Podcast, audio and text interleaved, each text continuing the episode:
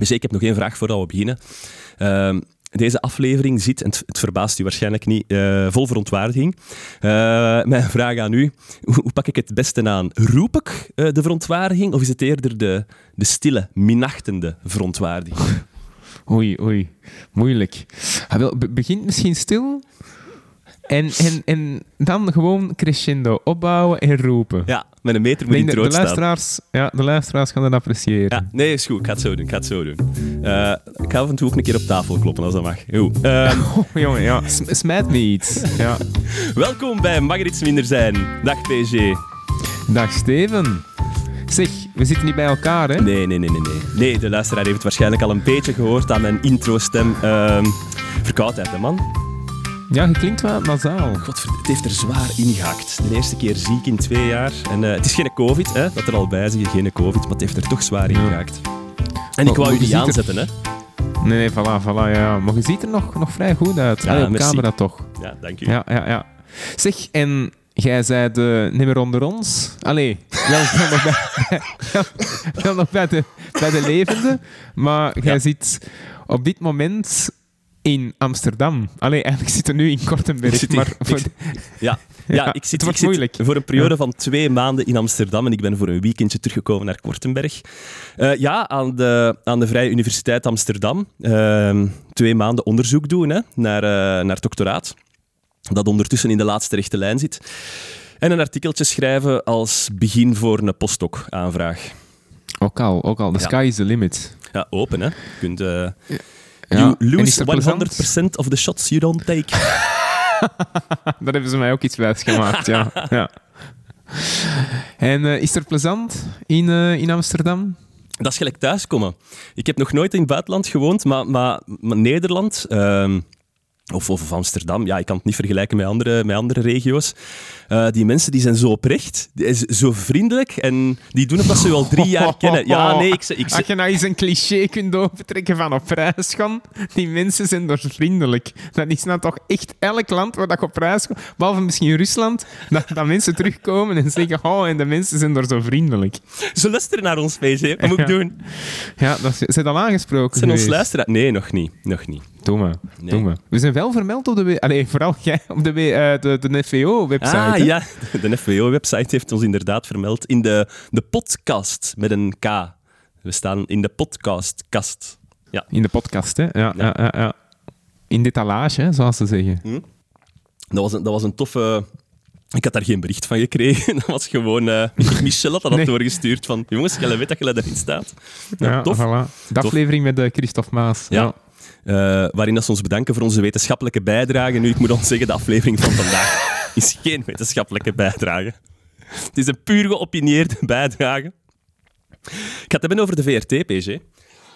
Ja, het, het heeft eigenlijk lang geduurd. Kijk, ik heb ze Ik twee jaar gegeven onze- om ons op de radar ja. te zetten. Ze hebben niks gedaan, dus eh voilà. dan, dan, blazen we alle bruggen op. Dan laten we Ja, alle bruggen op. gelijk. Ik, ik, ik denk dat ik een titel ga geven dat een beetje ehm, clickbait gaat zijn. Dus luisteraars, excuseert me er een beetje voor. Maar ik ga wel degelijk een probleem binnen de VRT bespreken. Of recente problemen binnen de VRT. Ehm, en er misschien een conclusie uittrekken hè, van, van waar moet het nu naartoe. Eh, voor zover dat ik iets te zeggen heb in het beleid van, eh, van de VRT. Ja. Met mijn belastinggeld. Hè? ja, ja, ja, ja, ja, ja, inderdaad. inderdaad. Onze, beurs, onze beursboy. Subsidieslurper, of hoe heet het?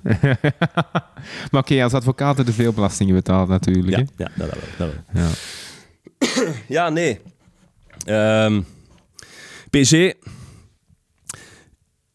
Ja, ik, ik ben hier aan het, eh, aan het wachten. Ik zit, ik zit op het randje van mijn stoel. nee, nee, ik weet het, ik weet het. Maar, maar voordat we over de VRT gaan hebben, zou, ik- zou ik even nog een andere frustratie kwijt willen. Ehm, de, de, de metonstop, zegt dat u iets? Ja, ja, ja, Ja? dat, eh, dat doet een belletje rinkelen. We hebben er een aflevering over gemaakt. Hè? Ehm, Klopt. De, de, de metonstop die stond al, ja, oh, in een nutshell uitleggen wat dat dan nu weer al is. We wonen in Vlaanderen veel te verspreid en er zijn nog heel veel gebieden die dat eh, voor eh, woongebied staan aangeduid. En dat zou eigenlijk moeten stoppen. En we moeten stoppen met open gebied volbouwen. Dus we gaan een, een betonstop, of op dit moment noem het een bouwshift, realiseren. Mhm. Voor de mensen die benieuwd zijn tussen wat het verschil is tussen een betonstop en uh, een bouwshift, niks, er is geen verschil. Het is gewoon uh, een andere naam hè, om het maatschappelijk draagvlak te verhogen. ik ga het er straks nog over hebben. Rustig, rustig. Um, Ja, je bent nog niet aan het roepen. Dat vind, Nee, ik, al, nee, nee. Dat vind ik al een succes. En, en, Ja. en, eh, en, en weet je nog, in, in december 2020 eh, kwamen ze naar buiten en zeiden ze: We hebben een akkoord over de bouwshift. Hè? We zijn er. ja. Eh, op dat Ja. moment, ja, alle kranten aan het schrijven van wat zijn jullie bezig? Dat gaat helemaal niet. Die financieringsregeling trekt op niks. Eh, in een nutshell, dat gaat ons een aantal miljarden kosten. Hè. Ze denken rond de 12, 14, het kan zelfs meer miljard zijn. En waar gaan we de kosten leggen? Ah, bij de gemeente natuurlijk. Hè. Bij de gemeente gaan we die Mhm. kosten leggen. En die gemeenten die hebben dat geld uiteraard niet. Dus heel veel verontwaardiging. En ik dacht, ik ga nog eens even kijken hoe dat dan nu eigenlijk zit met dat dossier. En ineens kwam ik op een artikel, een artikel van, eh, van 31 maart. eh, 2021. Dan eh, dus een aantal maanden na ehm, het bericht in de krant dat ze een akkoord hebben over een betonstop. En wat staat er in onze krant? Uh, Zowaldemir had, ehm, dus de minister voor Omgeving, had een open brief gekregen van de sectorverenigingen waarin dat ze zeiden, jongens, dat is hier niet betaalbaar. Hè. En heel negatief over de ontwerpregeling, nee, eigenlijk de regeling die zij er had doorgekregen. Hè. En wat zegt Zowaldemir? De open brief stemde mij gelukkig. Zo verraste minister Demir in het Vlaams parlement. Volgens haar is de brief een bewijs dat alle betrokken actoren wakker liggen in het belang van open ruimte. De N-VA-minister wil van het momentum gebruik maken en kondigt daarom de oprichting van een taskforce aan die de hele bouwshift moet bekijken. Het is volgens Demir belangrijk om zonder taboes en met een open visie naar het dossier te kijken. Dus wat? Hè? Dus wat? Ik had gezegd dat ik op tafel ging kloppen. Hè? Dus, Ah, ja. dus wat? Dus jij moogt aan de lopende band... Nee, niet aan de lopende band. Maar jij moogt dus slechte regelgeving uitvaardigen, daarvoor op je kop gekakt worden en dan zeggen, zie je wel, dit is wat dat ik altijd al had gewild. Hè? De publieke verontwaardiging door die slechte regelgeving als bewijs dat we verder kunnen gaan. Hè? Geen taboes. Hè? Eh, eh, tabula rasa. We beginnen opnieuw. Ja, maar darling, hey, schat, jij hebt wel in december 20... Dat ga ik niet zeggen. Nee, hey, schat. Wij zijn woke. Wij zijn woke. Darling, in 2022, heb jij, eh, sorry, in 2020 heb jij dus wel ge- aangekondigd dat je een akkoord hebt over de bouwshift. Intussen, al die open gebieden die daar worden ingepalmd, eh, tegen 14 voetbalvelden per dag, hè? om maar even te Ja, zeggen. is- En dan allemaal onder Ja. het mom van maatschappelijk draagvlak. Echt maatschappelijk draagvlak. Dat is nu een keer de SOA van de Vlaamse politiek. Hè? Daar moeten we nu toch een keer mee gaan. Hoeveel maatschappelijk draagvlak heb jij nodig? Ik stem op de gemeentes, op de provincies, op de regio's en op het federaal niveau. Hoeveel draagvlak heb jij? Dat is toch uw werk om regelgeving te maken? Ik moet u toch niet constant zeggen wat dat er goed is en slecht is? Doe dat nu toch een keer zelf. Ja. Nee, ik geef u gelijk. ik geef u gelijk, Steven. Ja. Maar het is, hè, het is, het is eh, inderdaad eh, in een rotvaart dat er nu ontwikkeld wordt om er, om er ja, een toekomstige stop voor te, voor te zijn. Het is iedereen al opgevallen. Hè? Dus- Als je nu langs het Vlaamse wegen rijdt, echt, er wordt Ja, overal, Overal. Al die gaatjes Ja. die dat er nog waren, worden nu volgebouwd. Hè? En, en alleen Ja, maar... en u zou er zelf zijn natuurlijk, ja, als ontwikkelaar. Ehm, en je Nee, moet, je moet Wat dat mij zo kwaad halen, maakt, ja. PSG, die, die zowel de die is geen achterlijke. Hè? Die wist dat ook allemaal op voorhand. Hè? Dat dat... Dat dat akkoord op niks getrok en dan toch erdoor jagen en uiteindelijk dan zeggen van eh, het stemt mij gelukkig. Wat, wat, het stemt u gelukkig? Dat is niet keer normaal, jong. Echt waar. Ja. Het stemt u gelukkig. ja. En de VRT moet nog komen. ik, ik, ik hou mijn hart dicht vast. 20 augustus 2021. De vooravond Ja. van onze backpack. Moeten we misschien Ja. ook nog zeggen. Hè? We waren gaan eh, backpacken met de Ronnie, jij en ik, in, eh, in eh, Namen, de provincie Namen, voor een aantal dagen. En ehm, daar is mijn kop ontploft. Allee, niet, niet tijdens dat backpacken, maar op de vooravond, hè, de 20 augustus. Want op 20 augustus stond er een bericht in de krant. Niels de Stadsbader keert terug naar de VRT en gaat programma's presenteren op 1 en Radio 2. Daar zijn we gelukkig mee, toch? Wel, wel. Ehm, Ja. ik moet eerst misschien zeggen, dit is niet het probleem, het is een symptoom Ah, ja. van een probleem. In Niels de Stadsbader, ik ben er zeker van, kan goed zingen, kan heel goed zingen, is een goede verschijning, heeft een vlotte, een vlotte babbel en heeft nog niet echt tot ophef Tegen gezorgd. kar gereden. Te- tegen mijn carrière, of nog niet echt voor ophef, ophef, oh, ophef gezorgd in de media. Hè? Toch niet dat we weten dat hem zo'n keer Nee. is betrapt geweest in ergens een, een WhatsApp-groep met, met een zekere Evelyn of zo. Daar zit hem niet in. Dus Nee. waarschijnlijk is dat een toffe P. Dus Niels, Ja. al, de haters mogen hun brieven thuis laten. Ik heb niks tegen Niels de Stadsbader aan zich. Die startte ooit eh, in 2009 bij Ketnet. En daarna Mhm. is die een door ehm, de Ricus Jan Segers, wat dat zo wat, eh, een, een high-level gast is in de, in de hele Vlaamse mediawereld, is die naar de VTM ehm, overgenomen, eh, overgehaald. En maar in de kampioenen heeft hij nog meegespeeld. Ah, wel, ja, die is, die is dus Ja. meegenomen naar de VTM, maar ehm, die heeft ook nog bij de VRT een aantal zaken gedaan, zoals bijvoorbeeld in de kampioenen, heeft ook de intro-track gemaakt van Thuis en heeft bij de VTM programma's gemaakt zoals The Masked Singer, The Voice, Belgium's Got Talent, enzovoort. Ja. Om maar even te, te duiden wie dat ehm, Niels de Stadsbader is, hè, voor onze Nederlandse luisteraars. Nederlandse, ja. Ja, inderdaad. Nu, ehm, het is de algemeen directeur content van de VRT, de Ricus Jan Segers, die en dat zegt. Hij past perfect in ons toekomstplan. En dan gaan er bij mij echt een aantal alarmbelletjes af. Ik sta hier te bibberen, hè. Ja, ik Het zie plan. het. Dus ik ga een aantal, ik ga een aantal begrippen lanceren. Grootse live shows hè, op de VRT.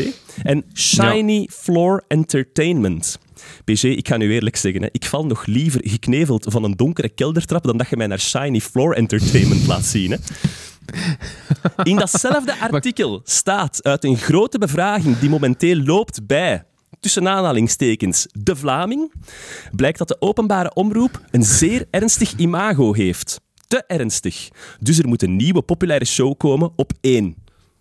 Maar wat zijn die bezig? Met wat zijn bezig? En toen, toen dacht ik, oké, we moeten eens misschien gaan kijken in het beheerscontract van de VRT. Hè? Als we een keer gaan Ja. kijken ehm, in het beheerscontract van de VRT, hoe dat, dat eigenlijk strookt met, ehm, met het Jij doel van de VRT. Een geest. Dus jij leest Niels de Stadsbader, verontwaardiging, en jij denkt, ja, beheerscontract. beheerscontract van de VRT. Maar mijn Ja. kop ontplofte pas echt toen dat op diezelfde dag, dezelfde dag dat de VRT zegt Niels de Stadsvader komt naar ons, dat er staat dat Lieve Scheire met zijn schijnende schepping terugkomt op het kleine scherm op de commerciële, telev- op de commerciële televisie. Met wat zijn wij bezig? Dus we trekken Niels de Stadsbader aan en Lieve Scheire die gaat op de commerciële zender een quiz doen, een comedy quiz over wetenschap. Dat is toch iets wat dat de VRT moet doen, denk ik dan. Maar ja, oké, oké. Die heeft Ja, waarschijnlijk ergens een heel exclusiviteitsovereenkomst. Ik zeg het, het is niet het probleem, het is een symptoom van een breder liggend probleem. Ehm, Ja. Misschien eens beginnen met de VRT. De VRT dat is een, een NV van publiekrecht, dus een naamloze vennootschap, die dat een beetje afwijkt van het normale naamloze vennootschapstatuut. Hè. 100% eh, aandeelhouder bij, door de Vlaamse... eh even kijken... Maar maakt eigenlijk niet zoveel uit. Dus een, een vennootschapsstructuur die een klein beetje afwijkt van het gewone vennootschapsstructuur. En daaronder zit televisie en radio. Onder televisie heb je bijvoorbeeld 1, Canvas, Ketnet, VRT Nieuws, Sporza en VRT Nu. 1 wordt omschreven in het beheerscontract als... Het, 1 voelt en voedt de hartslag van Vlaanderen. Knap, hè? Ja. Dat is, dat, is, dat is knap, ja. Canvas is er voor een publiek dat behoefte heeft aan verdieping en uitgedaagd wil worden met nieuwe inzichten. Canvas brengt, brengt compromisloze topcontent die je kostbare tijd waard is. Dus hebben gelijk, hè? Ja. We hebben gelijk. Nee, maar ik, eh, ik vind dat allemaal top, eh, top content hoor. Dat is kwaliteit op zich. Eh, radio, je hebt dus Radio 1, eh, Radio 2, Clara, M&M en Studio Brussel. Die vallen allemaal onder de koepel van de VRT. Radio 2, hè, ik ga even het tekstje voorlezen van eh, wat dat zij omschrijven als Radio 2, is een baken, een compagnon die je door de dag helpt en de wereld veraf en dichtbij helpt begrijpen. Radio 2 heeft een hoge gebruikswaarde in het dagelijks leven en is emotioneel dichtbij en herkenbaar vanuit sterke menselijke verhalen uit heel Vlaanderen. Radio 2 voelt en voedt de Vlaamse samenleving met een uitgesproken aandacht voor een Nederlandstalig muziekaanbod. En dan bij Clara staat, biedt mediagebruikers een vluchtheuvel van schoonheid en genot. Knap, hè? Ja, je vraagt je af, wat hebben ze gesnoven toen dat ze dat moesten schrijven? Ja, maar dat, dat beheerscontract... eh, dus ik, ik, ik, ik moet daar even over hebben. Wat is eigenlijk zo'n beheersovereenkomst? De VRT Ja. kunnen ze niet zomaar loslaten met hun geld, met belastinggeld. En de VRT moet ergens onder controle worden gehouden, al dus de Vlaamse regering. En dus wordt er een overeenkomst gesloten voor een periode van vijf jaar. De huidige overeenkomst die loopt eigenlijk van 2020 tot 2025. Ehm eh, 2021 tot 2025. eh, twi- tot 2025, sorry. Ehm, waarin dat ze zeggen wat dat de taak is van de VRT. ehm, en je kunt je inbeelden wat dat, dat gaat zijn. Dat zijn grote woorden, hè, zoals een inclusievere samenleving, tegen fake news zijn, herkenbaar en betrokken zijn. Allee, honderd pagina's aan vage termen, maar die op zich wel een, een, een mooie boodschap vertegenwoordigen, hoor. Daar niet van. Maar dat is, dat is niet gedetailleerd dan. Hè? Zoals in de eindtermen Ja. hoorden we heel vaak dat dat kei gedetailleerd, eh, gedetailleerd is. In de zin van, eh, je moet eh, zoveel percentage aan Nederlandse nummers of... of Ja, dat staat er eh, wel in. Die content, ah ja, oké. Ja. ja, dus uiteindelijk komen wel de KPI's, hè, de, eigenlijk de... Goh, we- KPI's, dat gaat er nog iets moeten uitleggen. Ja, de KPI's, Dat is- dat wil eigenlijk gewoon zeggen de targets dat je moet halen. Meetbare targets dat je kunt halen. En daar staan dan de percentages in. Hè. Eh, zoals Nee, voor wat bijvoorbeeld dat? 85 KPI? KPI. Ik heb het opgezocht, maar ik ben het al een klein beetje vergeten. Want, dat, dat, dat die eh, lanceren van chique termen, dat pakt hier niet, hè? Een, een kritieke prestatie-indicator of een key performance indicator. Oké. Daar zijn we nog minder mee Ja. dan het, de afkorting KPI. Maar Ja. ehm, daarin staat dus wat dat de taak is van de VRT. eh, wat zij moet doen in ruil voor de 270 miljoen euro die dat ze eh, jaarlijks krijgen voor hun werking. Ehm, en een van die zaken die mij, ehm, die mij opviel, is inderdaad dus dat die VRT een, een, een, te, serieuze, een te serieuze rol had gespeeld, hè? eh, te serieus overkwam, en dat we daar op een iets eh, toegankelijker wijze mee moeten omgaan. Ik vraag nu aan u, PG, vond jij dat dat een probleem was van de VRT? Dat je denkt, goh, te streng, te streng, te, goh, te weinig voeling met de mensen. Nee, dat probleem heb ik nu inderdaad ook niet gezien. Oké, misschien dat die grote live shows of live dingen. Nu ben ik aan het denken, ja, ze doen toch dagelijkse kost en, en, en, en die dingen. Dus eh, nee, maar dat lijkt en Ja? blokken. En, maar oké, misschien vroeger hadden En man ja, een, een swingpaleis, een Fata Morgana. Misschien is dat. Ja, en is, is dat wat men bedoelt, hè? Zo die Ze hebben meer, ook, is er een meer dokter in de zaal, hè? spel zonder grenzen. Ah, ja, ja. Eh, eh, ah, is dat, is dat ook van... ja, dat zit ook eh, bij u. Is dat ook van ja. de een? Ja. En, en taboe, misschien, ja, misschien dat ze wel iets meer... ehm, dat er een boodschap moet in zitten in het programma. Dat zo het, het, het, het hersenloze entertainment, dat dat er misschien wat uit is, Ja, ja. Zou, zou kunnen. Ja. Dat verontrust Dat mij. is de vraag of Ja. dat een probleem is, hè? maar oké. Ah, wel, maar als dat zo in dat beheerscontract staat, dan verontrust dat mij een klein beetje. Je hebt namelijk programma's zoals Man bij het Hond, Iedereen Beroemd, Duizend Zonnen en Garnalen, die niet echt de verheffende functie hebben, hè, maar die Ja. eerder zeggen van, dit is het milieu waarin dat jij opgroeit. Maar ik ken het milieu waarin dat ik opgroei, dat is het milieu dat ik dagelijks zie. Dat zijn de mensen rond mij. Maar oké, dat is leuk dat ze dan ook nog een keer belichten op televisie. Hè. We herkennen onszelf en een keer goed lachen. En dat geeft zo'n gevoel van thuis te zijn. Hè. Het gevoel, eh, het programma net voor thuis geeft ons het gevoel van, voilà, dit is de Vlaamse samenleving. Maar dat verontrust Ja. mij een klein beetje. Als afgelopen donderdag Urbanus op iedereen beroemd stond en de talenkennis van de Vlaming moest testen op een, op een ludieke wijze. Hè. Ehm, er stond een groot bord un en een groot bord un. De lidwoorden in het Frans van de woorden die Urbanus ging vragen. En dan moesten de mensen vervolgens bij het woord dat hij vroeg gaan staan bij un of un, naar gelang zij dachten dat het mannelijk of vrouwelijk was. Ik denk dat ik het goed heb uitgelegd. Iedereen is mee. Was het eerste woord dat Urbanus vraagt? Is het un of un testicule? Een teelbal, mannelijk of vrouwelijk?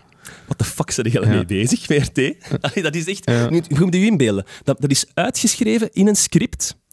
Een script waar dat verschillende mensen over gezegd hebben, we gaan dat doen. Een Urbanus dat dat moet voorlezen, een ganse cameraploeg dat daarbij staat.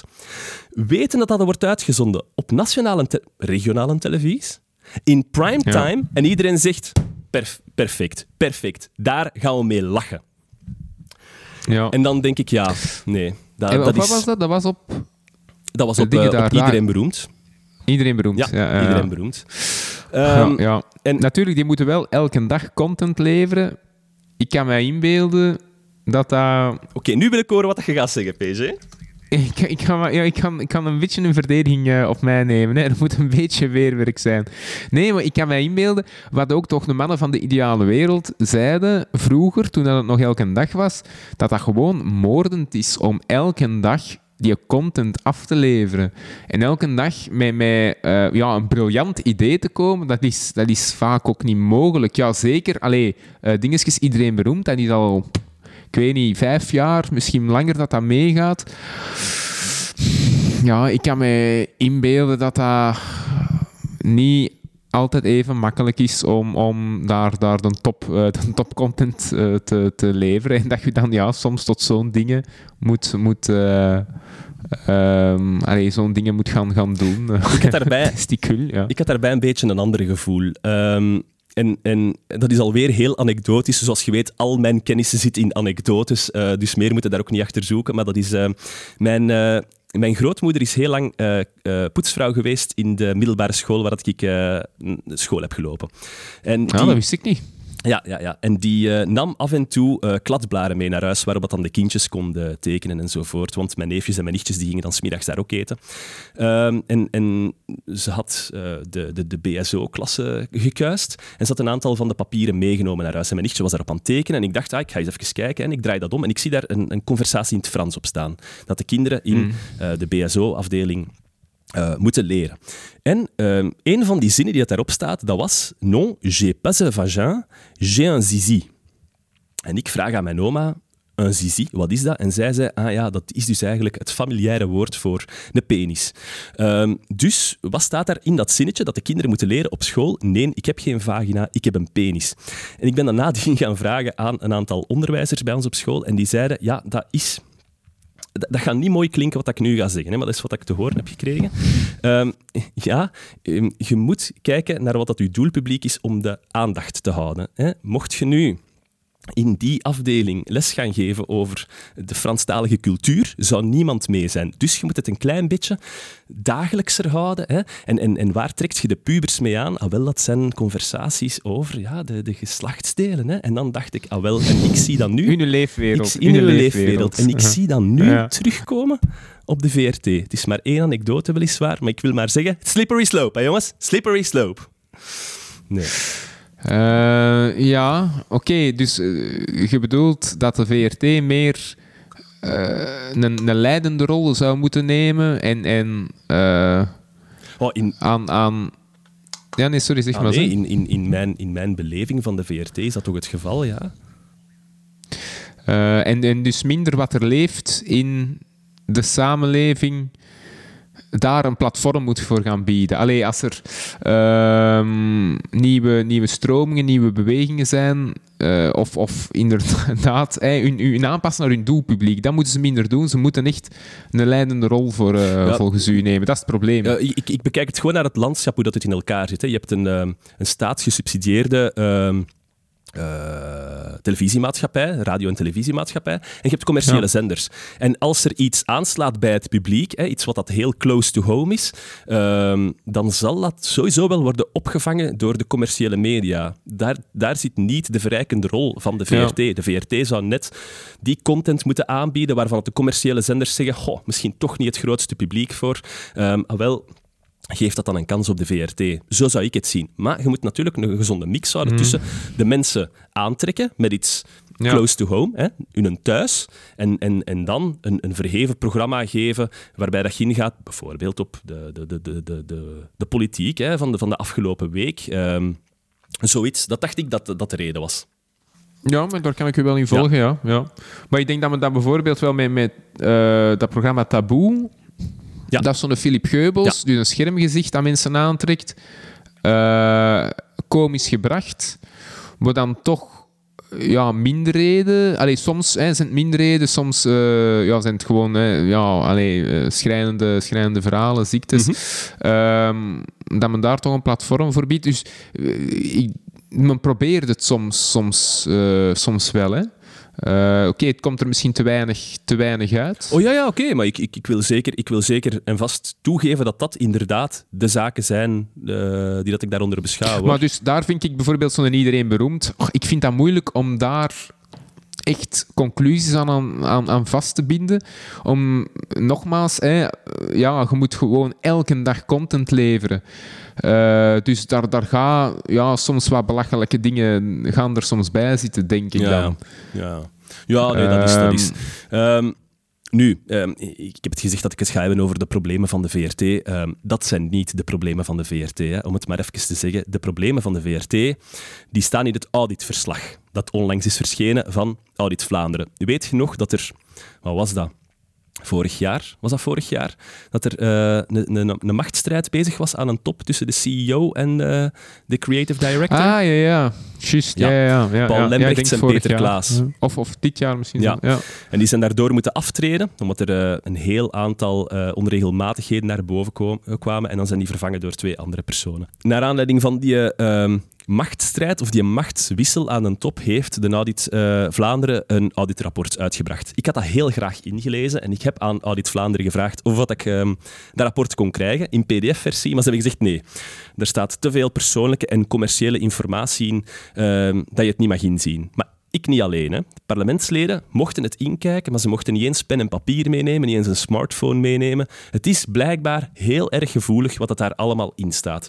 Ehm, Serieus? Amai. ik heb dus niet Maar normaal is toch de regel voor die openbaarheid van bestuur dat, eh, dat ze het moeten geven, hè, maar dat ze dan de namen of de persoonlijke gegevens moeten anonimiseren. Ja, ja, het is gewoon ehm, eigenlijk- zo gemakkelijk te herkennen. Zelfs al is het geanonimiseerd over wie dat, dat gaat, denk ik dat ze daarmee... Oké, eh, dus... ja, Ja. Het gaat echt ook over commerciële gegevens, over hoeveel dat ze hebben uitgegeven aan productiebedrijven. Dat ze denken, "Goh, dat kunnen we niet zomaar bekendmaken. Maar daar, daar zitten dus een aantal eh, problemen in. ja, voilà. Ja. Ehm, de grootste problemen zijn ehm, te weinig transparantie en normvervaging op het vlak van overheidsopdrachtenwetgeving. Wat willen we daarmee zeggen? Zel- Zelfs in die mate dat er een gerechtelijk onderzoek is begonnen in mei van dit jaar. Eh, wat willen we daar... Amai. ja, wat willen we daarmee zeggen? De VRT werkt voornamelijk met overheidsfinanciering en moet dus voor alle opdrachten die ze uitvoert een transparante procedure volgen, zijnde de overheidsopdrachtenprocedure, waarbij dat je eh, de opdracht in de markt zet, bekend maakt en waarbij dat dan iedereen die dat er op wilt inschrijven, die mogelijkheid heeft en dat op een heel eerlijke manier gebeurt. Eigenlijk is dat bedoeld om op een zo efficiënt mogelijke manier om te gaan met uw belastinggeld. Dus een heel, ja. Ja. een heel goede procedure die alle overheden... Om vriendjespolitiek uit te sluiten. ja, hè, exact. Anders is het veel te gemakkelijk. Wat bleek? Ja, al die regels die werden daar dus overboord gegooid. Ehm, er zijn een aantal aanbevelingen die de Audit Vlaanderen doet, waaruit dat je kunt afleiden wat dat er is fout gegaan. Hè? Ik leid af wat dat er is fout gegaan. Dat de VRT sommen betaalde die niet gedekt werden door overeenkomst. Ja, ik weet niet hoe dat, dat kan, maar dat is dus blijkbaar gebeurd. Ehm, ja, de wetgeving overheidsopdrachten werd niet nageleefd. Zoals bijvoorbeeld bij de bouw van een decor of zo. Eh, dan ging de VRT niet altijd in op, het beste, op de beste offerte. Eh, dus daar werd zo wat kunstmatig mee omgegaan. Eh, blijkbaar was er ook een probleem dat externe partners budgetten van de VRT beheren zonder respect voor het wettelijke kader en niet binnen de, VRT, binnen, niet binnen de werkwijzes dat door de VRT werden afgesproken. Het klinkt vloe, maar ik weet er dus niks Ja. mee. Hoe kan een externe partner nu uw budget beheren? Geld, ja. Ja, Eh, ja dat, is- dat snap ik ook niet. Nee, nee, nee. Ja. er is ook een enorm integriteitsprobleem gebleken. Dus nu moeten ze allemaal van die procedures opzetten om integriteitsproblemen te vermijden. Met betrekking tot, en ik, ik citeer, de verdeling van gratis tickets, de werving en de selectie en de terugbetaling van logopedie. Op wat slaagt Dat is een scam of wat? Dat die allemaal naar de logopedie gingen, zogezegd, en dan... Ja, ja, dus er moet een integriteitskader worden opgezet. om, eh, en werving en selectie is ook wel een, eh, een, hè? Dat er daar iets is fout gegaan. Maar een heel groot probleem dat ik nu ook een beetje eh, in de verf wil zetten, dat is het probleem met ehm, exclusiviteitsovereenkomsten. Ik wist dat niet, maar in het medialandschap zijn er een aantal exclusieve schermgezichten. Allee, we wisten dat wel een beetje, maar ik wist niet dat dat zo'n groot probleem was. Ja. Hè, ehm, de Koen Wouters bijvoorbeeld, je weet dat hij bij een DPG zit. Eh, je weet dat een Tom Waas bij de VRT zit. En dat hij heel weinig eh, zich hun gezicht laten zien op het andere kanaal. Hè. Dat is ook, denk ik, de reden waarom dat Lieve Scheire dus zijn show niet op de VRT doet, maar ergens anders, omdat hij met, daar met zijn exclusiviteitsovereenkomst zit. Ehm, eh, wat is het probleem met zo'n exclusiviteitsovereenkomst? Dat kost kei veel geld. Als je tegen iemand zegt, jij gaat enkel voor mij werken en niet voor iemand anders, dan moet daar natuurlijk ook wel iets tegenover staan. Ehm, en dat kost heel veel geld. Ehm, wat blijkt, in 2018 heeft ehm, de VRT eh, voor 60 miljoen euro gespendeerd bij externe productiehuizen. En aan die productiehuizen zijn dan die namen gekoppeld, hè, zoals Tom Waas bijvoorbeeld. Um, bij productiehuis De Mensen, sorry, zitten een aantal namen, zoals uh, uh, Tom Waas met Kamp Waas, uh, Undercover, maar ook Blokken zit daarbij, Beau Séjour. en daar was er een probleem dat je Peter Klaas, dus de vorige uh, creative content director um, van de VRT, dat hij quasi unaniem beslist had om een contract toe te kennen aan de mensen voor vijf jaar voor 40 miljoen euro. Quasi unaniem, quasi alleen, bedoel Ja, of? quasi alleen, quasi alleen. Ik zeg ah, het, ja, het is dus... allemaal vloe. Ik, ik zeg maar wat ik hier kan zien, hè, maar um, toch eventjes de problemen blootleggen. Er is ook een ja, exclusiviteitscontract met een regisseur en art director Ludovic Beun. Ik weet niet of je die kent, of Boyen. Nee. Nee. nee 650.000 euro voor vijf jaar. Um, ja. en, en, en daar, daar zegt een nieuwe beheersovereenkomst van we moeten daar een beetje voorzichtiger mee zijn. Hè. Die, uh, ja, die exclusiviteitsovereenkomsten, we moeten daar iets terughoudender in zijn. Er zijn er op dit moment twintig. Twintig exclusiviteitsovereenkomsten, maar we weten niet zo goed met wie dat die zijn. Uh, Wacht, hè. Maar waarom ook? Allee, voor, voor de VRT, waarom moeten zij nu een exclusiviteitscontract sluiten met...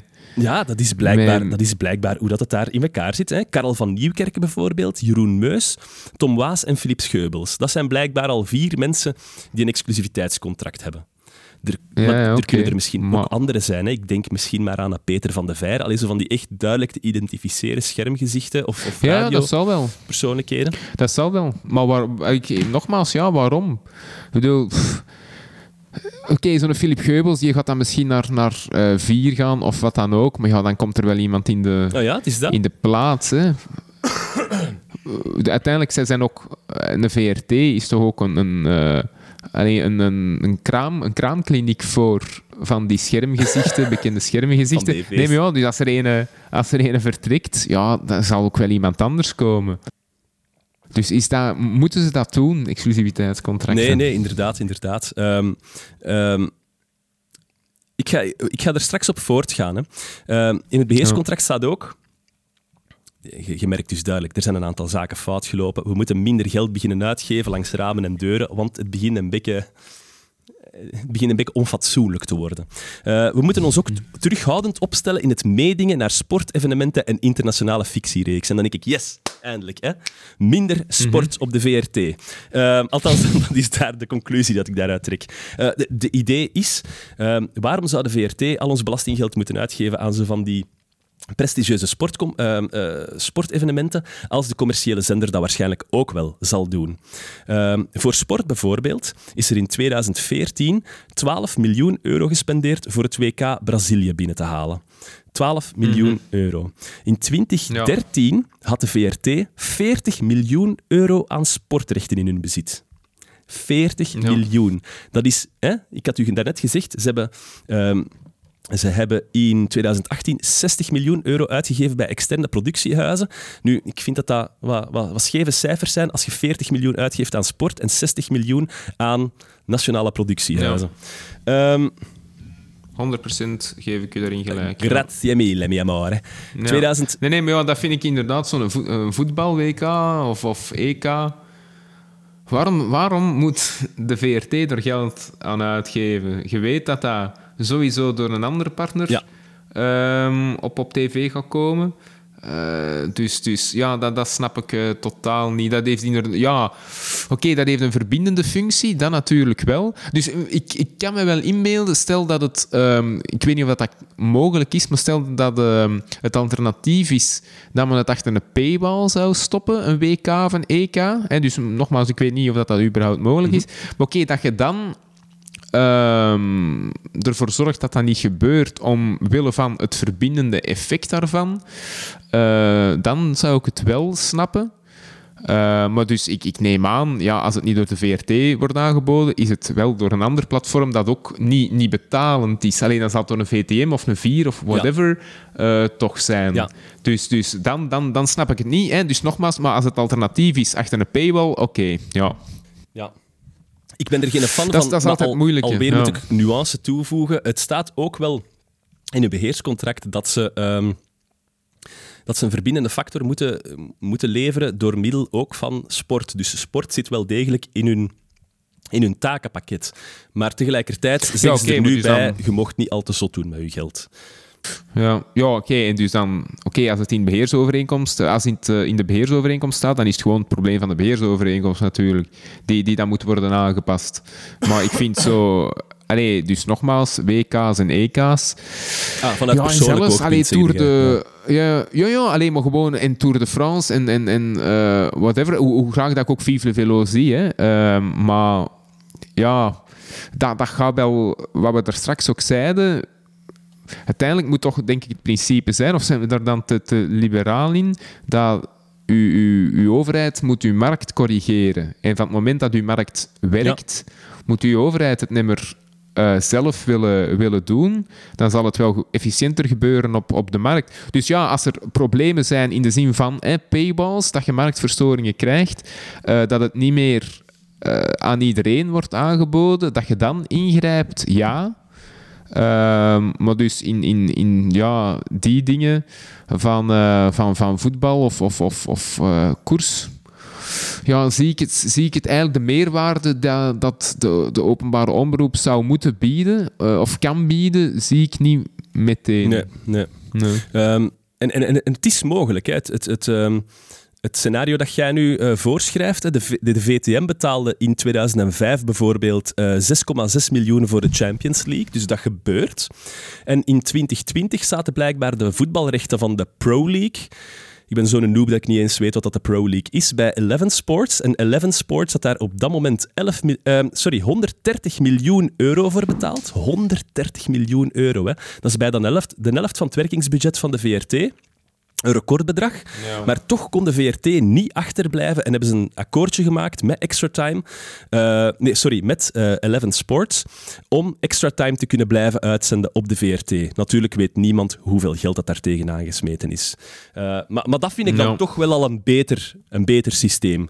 Hè, dat je je ja. nabeschouwingen kunt houden. Ja, oké, okay, als, als je dat echt wilt, als, als, als, als de Vlaming tussen aanhalingstekens um, dat zo belangrijk vindt, dan mogen je dat van mij part doen, hoor. Dus dat vind ik dan wel een goede oplossing. Um, maar dan is er onlangs nog iets gebeurd. Hè? Weet je nog? Harry en Meghan. Uh, ja, ja, de trouw, hè?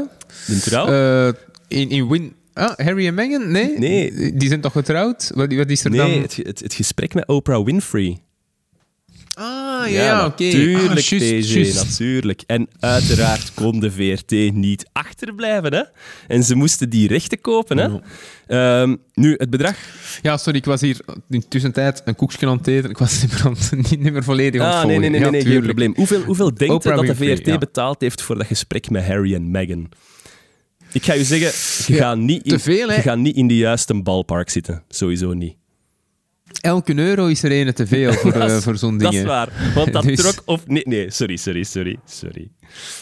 Nee, maar ja, oké, moest- inderdaad. Wederom, dat is niet de taak van, eh, van een openbare omroep, toch niet. Omdat, allee, toch niet integraal uit te zenden dat je dat in je journaal vermeldt, tot daar aan Ja. toe. Nee, maar dus ik kan... ehm, pom, pom. Je gaat er niet zijn. Je gaat er niet zijn. Ah, ja, v- eh, 37.000 Oh. euro. PC? Ben ik er? Nee, nee, nee je, zet, je zet er niet, maar je bent wel in de juiste balpark. Het is 60.000 Ah, euro. ja. Ja, Ik- ja ik oké, dacht- maar ik kan me dan wel jij- inbeelden dat dat geen 300 euro is. Nee, ik dacht, ik dacht dat jij ging spreken over 300.000 euro of zoiets. Ja, nee, nee. Ah, oh, man. Nee, nee, nee. oh. nee. Z- 60 ja, 60.000 euro is ervoor betaald. Nu, toegegeven, in andere landen hebben ze er fors meer voor moeten betalen. Maar ja, andere landen hebben ook een groter kijkpubliek natuurlijk. Ehm, het probleem daarbij is alweer dat ehm, iedereen daarop aan het meedingen was. Ook de commerciële omroep. En wat blijkt, na de eerste biedingsronde heeft de VRT gewoon gezegd, fuck it, we doen dubbel, hier, 60.000. En dan heeft al de rest gezegd, ja maar dat gaat niet, hè. wij kunnen niet volgen met u. Dus de VRT, eh, volgens de, de commerciële zenders, heeft de VRT daarin iedereen fors overboden. En blijkbaar alweer is dat een input van Creative Content Director Ricus Jansegers. Uh, die voor het geval Ja. dat hij mocht luisteren, alle klachten zijn eh, welkom op onze Twitter- of eh, Facebook-pagina. Hij mag, hij mag eens eh, Uiteraard. naar hier komen, hè. hij is altijd uitgenodigd. Nee, ja, ja, ja. Ehm, Nee, maar dat vind ik dan inderdaad weer zoiets van, ja... Allee, ik zie niet in waarom dat je dat zou doen. nee, ik ook niet. Dat aankopen. Ik zie er geen één reden voor. Verbindende factor? Nee, want dat is... Nee, jawel, joh, dat is zo'n programma als Thuis of zo. Oké, daar zie ik de verbindende factor. Dat iets is dat elke dag op de tv komt. Mensen praten erover. Maar dit, ja, mensen praten erover twee dagen, als je geluk hebt. En dan is dat weg, hè. Want allee, toen dat je er juist zei... eh Meghan en, ehm, en, en hoe heet hem? Eh, Harry. Harry. En.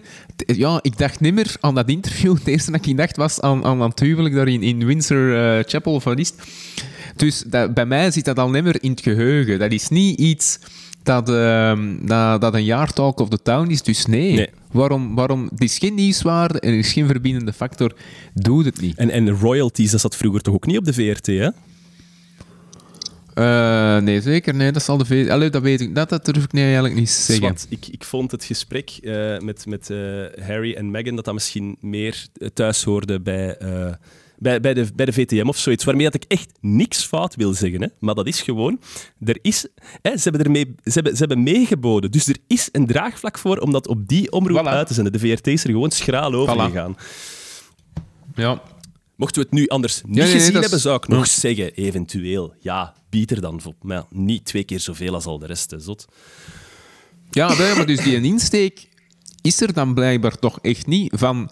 Wat moet een openbare omroep Voilà, zijn? dat is het en, en eigenlijk dat we moeten ze vandaag met, met, en voilà, ja, dus je moet toch met dat kader moeten naar alles toch elke beslissing moet in- worden bekeken in het licht van dat kader van wat moet een openbare omroep zijn? Iets waar dat je de marktverstoring ehm, eh, neutraliseert. Ah, wel, maar moeten er Maar nu dat- ook bij zeggen, dit is ons, ons normatief kader. Hè. Dit is het kader waaruit dat wij het bekijken. Maar Xander de Rijken heeft bijvoorbeeld ook al in zijn vorige eh eindejaarsconferences over tv en film gezegd dat, dat hij die, eh, die shift ook ziet gebeuren. Dat de, dat de VRT steeds meer, nee, dat de VTM steeds meer begint te zeggen, goh, wij zouden toch liever een iets eh, serieuzer profiel krijgen, hè? dus ook iets meer de, kant van de, v, eh, de VRT op gaan, en dat de VRT zegt, goh, wij zouden ook graag onze sterrenshow doen. Hè? Kijk nu, Niels de Stadsbader eh, gaat, gaat, gaat naar de VRT met de bedoeling om shiny floor entertainment te doen. En je ziet inderdaad, die schuiven steeds meer naar elkaar toe.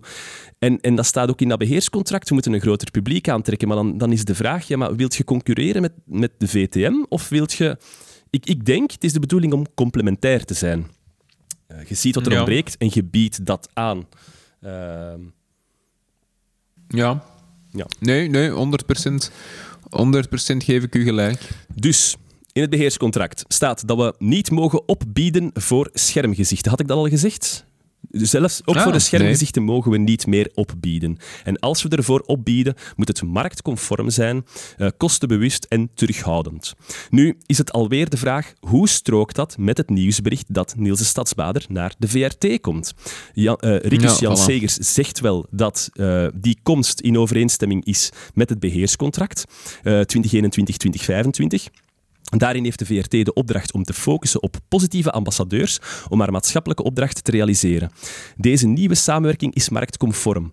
Ook omdat Niels de Stadsbader niet meer onder contract lag bij andere mediabedrijven. En pas op, alweer, ik heb niks tegen Niels de Stadsbader, maar volgens insiders in de media heeft de VRT wel degelijk hoger bedongen, ehm, eh, een hoger bedrag neergelegd dan de andere. Want die, ja, die ging niet zonder contract vallen. Hè. Die ging wel ergens een contractvernieuwing krijgen. Hè. Maar Ja, is de voilà. VRT er gewoon over gegaan om die een terug binnen te halen. Ja, ja, lijkt logisch, hè, inderdaad. Dat je niet ineens eh, transfervrij... Allee, ja, er zullen wel andere aanbiedingen eh, zijn geweest. ja. PSG of zoiets. Allee, iemand Ja. zal er wel op geboden hebben. Hè. Voilà, ik was, ik was dan denk ik, ja, ja, ja. Over PSG gesproken. Sport. Sport, PSG. Sport. We gaan het hebben over Ja, het journaal. Ja. Nu gaat het beginnen roepen, hè? Nee, niet zo ver, Nee, nee Niet want zo dat, dat maakt mijn slijmkes los en dan, moest ik, dan moet ik hoesten. Ik ga, ik ga het, rust, ik ga het ja. rustig houden. Ik ga het rustig houden. Ehm, sport heeft in ons journaal eh, een, een, een tijdslot van 10 à 15 minuten. Ehm 7 uur journaal ben ik dan wel bezig. Hè? Ehm, En dat is op een, een half, een 40 minuten. ja, zoiets, zoiets. ja. Dus Ja. ja, een, een, een, een goed derde daarvan, laat ons zeggen, wordt besteed aan eh, sport. Eh, en dat begint een klein... Op, op zich zou je denken, daar is niks mis mee. Maar er zijn twee caveats erbij. Hè. De eerste caveat is, ik weet niet wanneer dat het gebeurd is, maar het is ooit gebeurd dat ze sport voor cultuur zijn beginnen zetten. Ik bedoel dat chronologisch. Hè? Dus eerst is het gewone nieuws, dan sport en dan pas cultuur.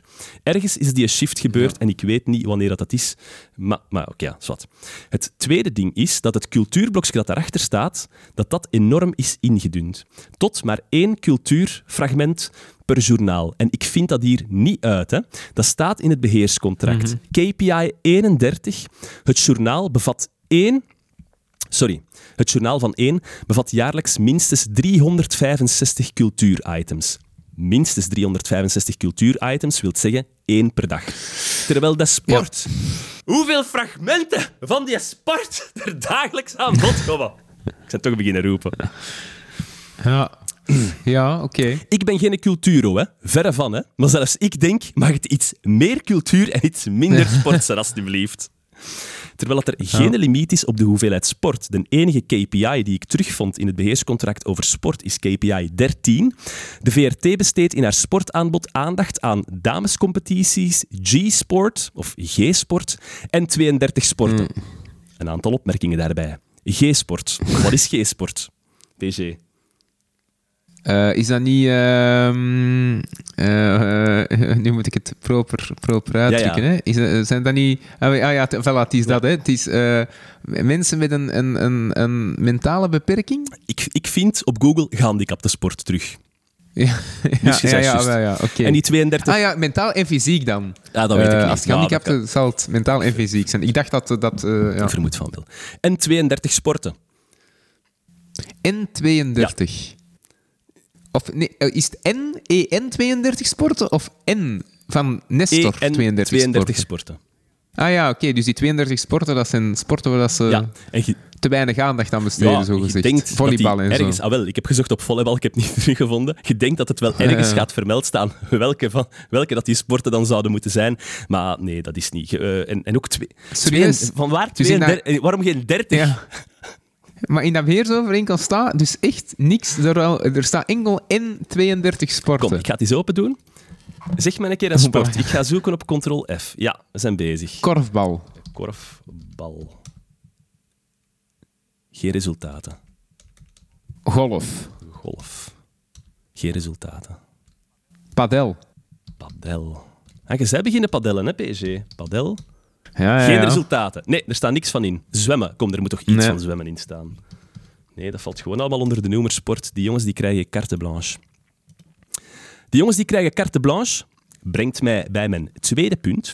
Zou niet zo erg zijn mocht die sportredactie niet zo'n verdomde macho-club zijn. Pas op, pas op.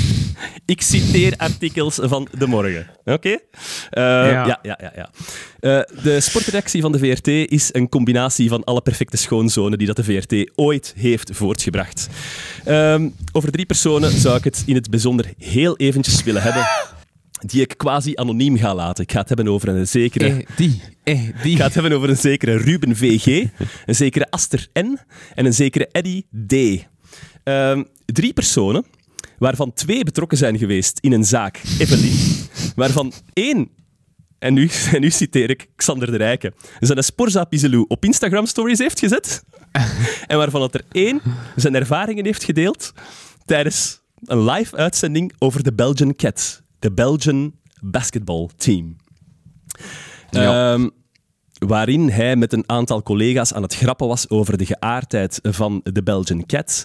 Die is nadien op non-actief gezet en die heeft een sanctie gekregen, al weten wij niet welke sanctie dat, dat is. De Sporza-redactie is, staat bekend als een uiterst vrouwonvriendelijke omgeving eh, waarin dat de macho-cultuur domineert. Dat is blijkbaar geen geïsoleerd geval van eh, een van die drie mensen die ik niet ga pinpointen, want anders gaan we gezever krijgen. Ehm, nee, het is gewoon algemeen geweten dat daar seksisme zat. Hè. Ehm, naar aanleiding van het voorval van de Belgian Cats zijn er een aantal ehm, getuigenissen naar voren gekomen. Al dan niet anoniem, hè, er zijn er verschillende. Uh, Karel Luibrechts bijvoorbeeld is een voltreffer op dat vlak. Ah, ja. Ja, maar dat was... Ja, dat, dat wist al, hè? Allee. Een aantal quotes over vrouwen in de sportjournalistiek. Geen wijven in mijn show. Vrouwen kennen niks van sport. En tegen Hilde van Malderen heeft hem gezegd: Ga ik een enkel schrijven omdat je seks hebt met de mensen die dat je interviewt. Ja, maar dat, dat ziet er nou echt wel ook zo een uit. Ik lach met bittere tranen. Ehm, nee, ja, wat, wat, wil ik daarmee zeggen? Ik weet eigenlijk niet zo goed wat ik daarmee wil zeggen. Ik, eh, het, het, het, viel mij al een klein beetje op dat die sportredactie, dat die dat die heel veel vrijheid kreeg, dat die precies niks mis konden doen. En als die dan toch iets misdeden, dat dat dan redelijk snel verdoezeld werd. Hè. Um, je moet een keer opzoeken in de Evelyn-affaire, wie dat er daar allemaal in betrokken is. Um, bitter weinig mensen van de sportredactie, ook al waren er twee, uh, die komen daarin terug in de Google-searches. Uh, dus die worden redelijk snel afgeschermd, of redelijk sterk afgeschermd door hun zender. Maar, maar dat zal toch niet enkel Allee, ah, hun andere schermgezichten zullen toch ook... Ik weet niet of er nog andere schermgezichten van andere redacties van de VRT betrokken waren bij... Zeker, bij, uh, ah, ja, de, de, ja, just. VDV. Just. Ah, wel. Maar zouden ze die ook niet wat hebben afgeschermd? Oké, okay, hij heeft zelf het ja, forum. Voilà. Hè? Hij heeft zelf bepaald, bepaald, uh, op een bepaald moment de radio gebruikt om... Maar is het niet bij Sporza? Uh, nee, jawel, maar zou dat, een zou dat echt een verschil oh, zijn? Sporza, ik, weet dat niet. ik probeer hier gewoon maar het qua toogpraat ah. conclusies te trekken. Ah, ja. Uh, nee, er, er, er, mag misschien iets, iets strenger mee worden omgegaan met uh, de dynamiek die dat daar leeft. Alweer, um, dat ziet je niet hè, als je naar tv kijkt. Ik wil nogmaals benadrukken dat alle programma's dat de VRT maakt, dat die kwalitatief top zijn. Hè. Ik kan daar niks over klagen. Het is gewoon de vraag van ja. Ja, welke richting gaan we uit en hoeveel vrijheid geven we aan bepaalde mensen om... Uh, ja om hun. Uh, maar dat is natuurlijk ja, dat is een ander pro Allee, die, de, als er uh, een vrouwenvriendelijke sfeer heerst, ja.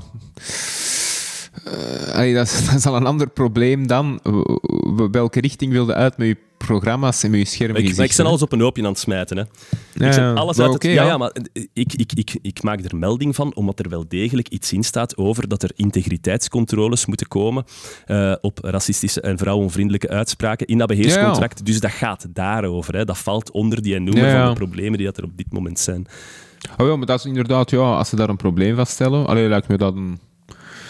Uh, Oké, okay, iets wat vrijblijvend, maar ja, het is een beheersovereenkomst. Lijkt dat mij wel een goede ja. oplossing. Ja. Uh, we gaan samenwerken over de grenzen heen.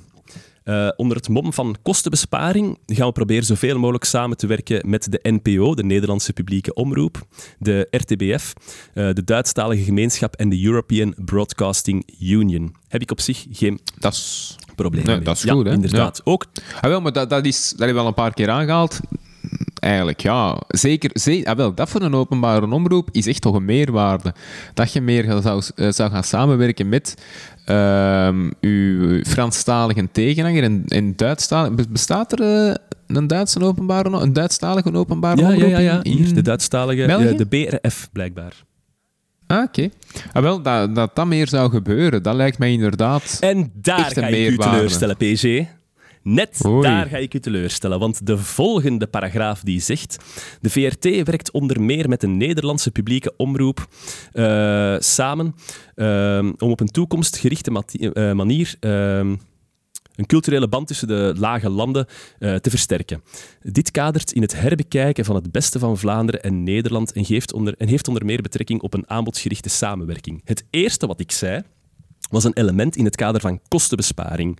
Het tweede element dat ik zeg is in het kader van waar gaan we ons op focussen. En wat blijkt, we gaan ons niet zozeer focussen op wat er gebeurt in Wallonië, we gaan ons eerder focussen op wat er gebeurt in Nederland. En ik voel mij daar gevrongen, want ik kijk graag naar Nederland. Ik leer daar heel graag over bij. Maar moet je eerst eens niet een klein beetje kijken wat er gebeurt langs de zuidelijke kant van een taalgrens, alvorens dat je naar de noordelijke kant van een taalgrens gaat zien. Maar wij, wij gaan fuseren met Nederland, ah, hè, was dat niet? maar juist. Had een Barry dat niet gezegd? Het zal... De Barry heeft dat gezegd, hè. Dus dat zal daarvoor... Dat is eh, de eerste stap, hè. Culturele eenheid. En dan, Maar dan samen, hè. ik, ik, ik ben al... Nee, nee, maar ik geef u weer 100% gelijk, ja. Ja, ja, ja alleen, maar dat is, dat heb ik al honderd keren aangehaald. Eh, maar zolang dat je België hebt en je blijkbaar toch beslist met een meerderheid van je bevolking dat, dat België nog een bestaansrecht heeft, doe er dan ook iets aan om de Belgische cultuur... Hè, als je blijkbaar dan toch inziet die verbindende functie, dat zien ze in, staat ook in, het beheersovereenkomst, in de beheersovereenkomst, die verbindende functie overheen Vlaanderen dan met bepaalde programma's, vinden ze dan toch belangrijk? Dan zouden ze toch ook moeten inzien dat en zolang dat je België wilt behouden, dat je ook een verbindende functie over de taalgrenzen heen nodig hebt. Je hebt toch een, een, een, een, forum nodig, een publiek forum, dat, dat uh, Franstalig, Nederlandstalig met elkaar blijft, blijft praten. Uh, dus, dus allee, ik zeg het, we hebben het al een paar keer uh, aangehaald. Omdat het een goed punt is. Maar dat snap ik. Ja, maar ja, dat snap ik dus totaal niet. Uh, is dat, ja, is dat het gepush van de NVA, dat weet ik niet. Hè. Nu bij de, bij de VRT. Dat gaat er iets en, mee te Vlaams maken hebben. heeft Laat ons ook niet onnozel doen. Dat Ah, ja. heeft er echt iets mee te maken. Dat, dat, dat zal natuurlijk... Ah, maar ja, dus dat zij wat een dood, de doodgravers zijn. Maar anderzijds... Ja, voor... Ik kan mij nu niet ehm, inbeelden dat voor dat NVA booming was... eh, wat is dat, tien jaar geleden of zo? Dat dus heel die periode daarvoor... Dat je, dat je echt samenwerking had met een, eh, met een RTBF. Dat kan ik mij ook niet inbeelden. Ik denk zo, als er echt een heel goed programma is van, van de RTBF, dan komt dat op Canvas zeker. Ja, zou Eh, met, met, met wat geluk.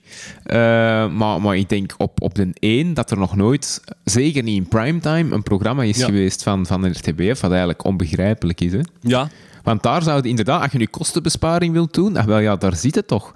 Je moet niet elke zondagavond een eigen programma hebben. Hè? Als je eh, is iets van de RTBF toont, waar, waarom zou dat niet maar kunnen? laat ons hopen dat het onder het mom van kostenbesparing ehm, zo lukt. dat dat hè. dan de motor Ja. is voor... Ja. want Ja, maar blijkbaar alleen voor de eh, eh, dingen zou toch gestart zijn. Hè? De ehm, samenwerking voor ehm, een programma over de, de Bende van Nijvel. ah, oké.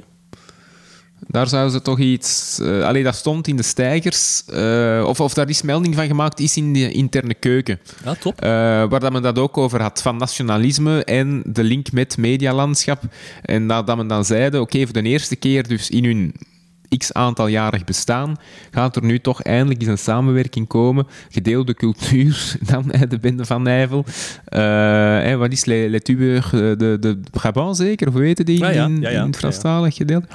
Ehm, dat er daar toch een, een, eh, fictie, ik denk een fi allee, fictieprogramma, dus zo, hoe heet dat, geschiedkundige fictie, of dat men daar op, op gaat aantakken om, eh, om, om een, eh, een programma te, te, te Nee, maken. super. Nee, dat vind ik alleen maar goed. Ja, ehm, als die samenwerking er dan moet komen onder het mom van kostenbesparing, hey, voor, mij, voor mij al te goed, hè. Eh, geen enkel probleem. nu, PG, ik zou ook een beetje willen eindigen met een aantal zaken die ehm, positief zijn. Eh, positief zijn bij de VRT. Ik heb al gezegd, eh, kwaliteit is altijd fantastisch, maar ook in het beheerscontract staan er een aantal goede zaken, waarin dat ze bijvoorbeeld zeggen, wij gaan meer inzetten op digitale media. Kunnen we alleen maar toejuichen. Hè? Zet al uw programma's, al uw duidingsprogramma's gewoon eens in audiofragment op podcast, zodanig dat mensen dat in de auto kunnen luisteren of terwijl ze aan het strijken zijn of voor de kinderen aan het zorgen. Geef die mogelijkheid, zoals op dit moment al bestaat bij de afspraak op vrijdag. Maar ik denk dat we voor de rest nog een beetje schraal zijn met podcasts. Ehm, ja, het- echt op, op podcast zetten van uw In programma's. Nederland heeft ja, eh. Buitenhof, ik denk dat dat Universie is van de zevende dag, heeft wel een eh, podcast. Dus dat is wel eh, de moeite waard om naar te luisteren. Ehm, diversiteit in de beeldvorming. We gaan meer minderheden op tv laten zien. Allee, minderheden. Eh, het eerste is het geslacht. Hè. We gaan van eh, 40% vrouwen naar 48% vrouwen in 2025 gaan. En dan denk ik, maak er gewoon eens 50% van. Allee, kom. Die, die laatste 2%. Dat staat in Ja, beheersovereenkomst, bedoelde. die laatste ja, 2% gaat het nu niet maken. Hè. Ehm, ze zeggen ook dat ze dat gaan doen, niet door middel van positieve discriminatie, maar ze gaan eerder kijken naar... Goh, ze gaan echt, geen echt rigide systeem hanteren. Ehm, ze gaan het op een natuurlijke manier proberen te doen. Dus allee, maak daar 50% van en dan zijn we tevreden. Ehm, ook qua afkomst gaan er meer mensen op ons beeld komen. We gaan van 7,5% naar 9,5% gaan in 2025.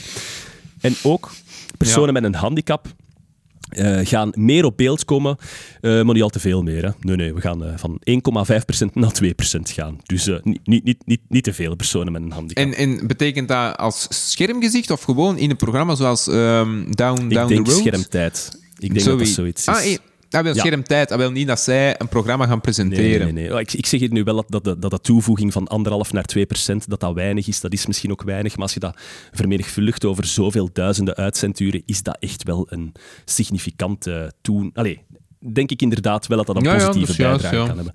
Maar ik ben er nog altijd een klein beetje... Wacht, hoe ga ik het zeggen? Ehm, naar mijn ervaring, en het is alweer eh anekdotisch, dus je moet daar ook niet al te veel achter, achter denken, ehm, lijkt ehm, een schermverschijning van een persoon met een handicap meer ehm, plot gerelateerd te zijn. Down the road, de mensen zitten er vanwege hun handicap. Je ziet dat ook heel vaak in films. Als er een persoon in zit met een handicap, Ja. is dat een beetje eh Chekhov's gun. Hè? Chekhov's gun eh, als, er een, als er een geweer op tafel ligt, moet dat een, een functie hebben in uw plot. En je ziet dat ook vaak, er is altijd wel ergens een functie verbonden aan die handicap. Terwijl ik, ik was nu onlangs naar Netflix aan het kijken, eh, naar eh, Midnight Mass eh, van Middernachtmis.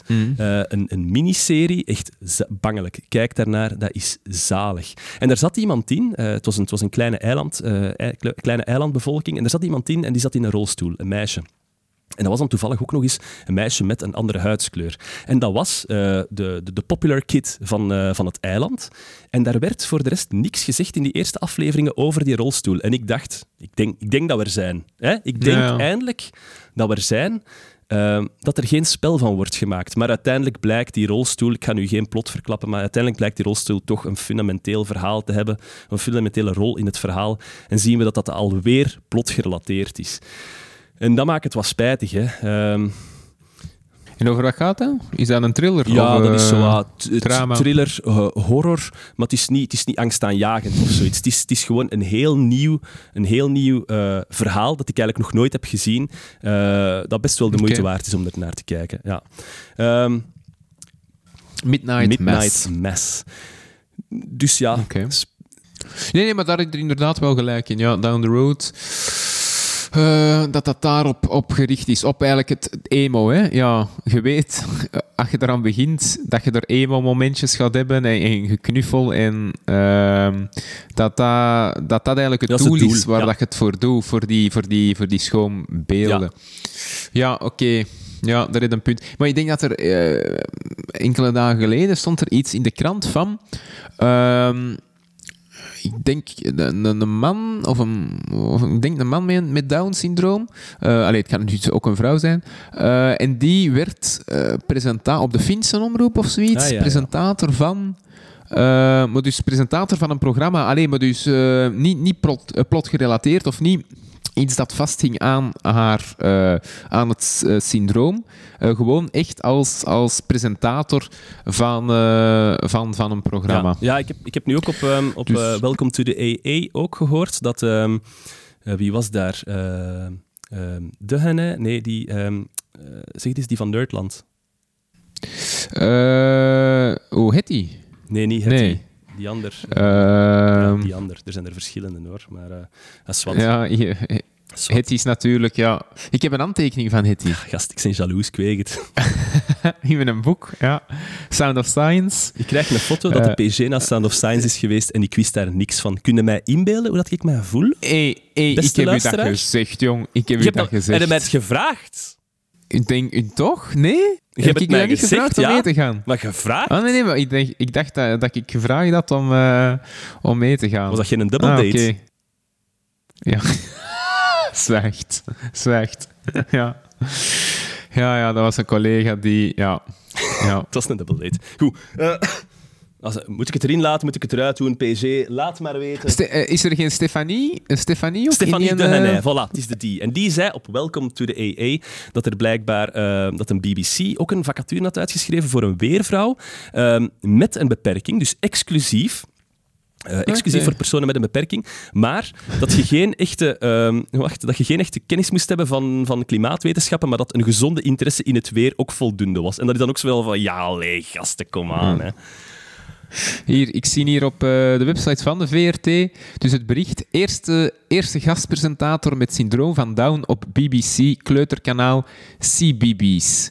Ze zeiden Ah, ja. me dat ik alles kon worden. Dus eh zowat de Kidnet Junior van de Britse omroep, daar is nu iemand met eh, het syndroom van, van Down. Bedoel je zoals Ehm, Niels de Stadsbader vroeger ook catnet-rapper was? nee, Niels, ik, ik, ik ga je waarschijnlijk graag hebben. Je gaat waarschijnlijk eh, een, toffe, een toffe P zijn. Ik denk dat wel, ik denk dat Ja. wel, ja. Die zou mee op backpack mogen gaan. Althans, allee, we moeten eerst wel een intakegesprek doen, hè, maar komt die af, Ja. hè, dan zullen we zien. Ehm, Voilà. het laatste positieve punt van de VRT is uh, we gaan inzetten op uh, het bestrijden van fake news. Maar ik weet, ah, vage woorden klinkt op zich niet zo boeiend. Tot als ik het ga hebben over één persoon. Mijn ster binnen de VRT. De persoon die ik admireer met een passie. PG, weet jij over wie ik het heb? Om de week krijgen wij zo in, in een gemeenschappelijke uh, WhatsApp-groep krijgen wij ja, daar een bericht dat hem, weer, dat, dat hem zich weer ontopboeien is over... Ja, de team, hè? De team... Hoe heet De hem? Tim, Tim Pauwels. Pauwels. Nee, oh, opboeien. Ja. Ik vind dat fantastisch, hè, wat dat hij doet. Ja, Of, of ja. kwam het niet zo over?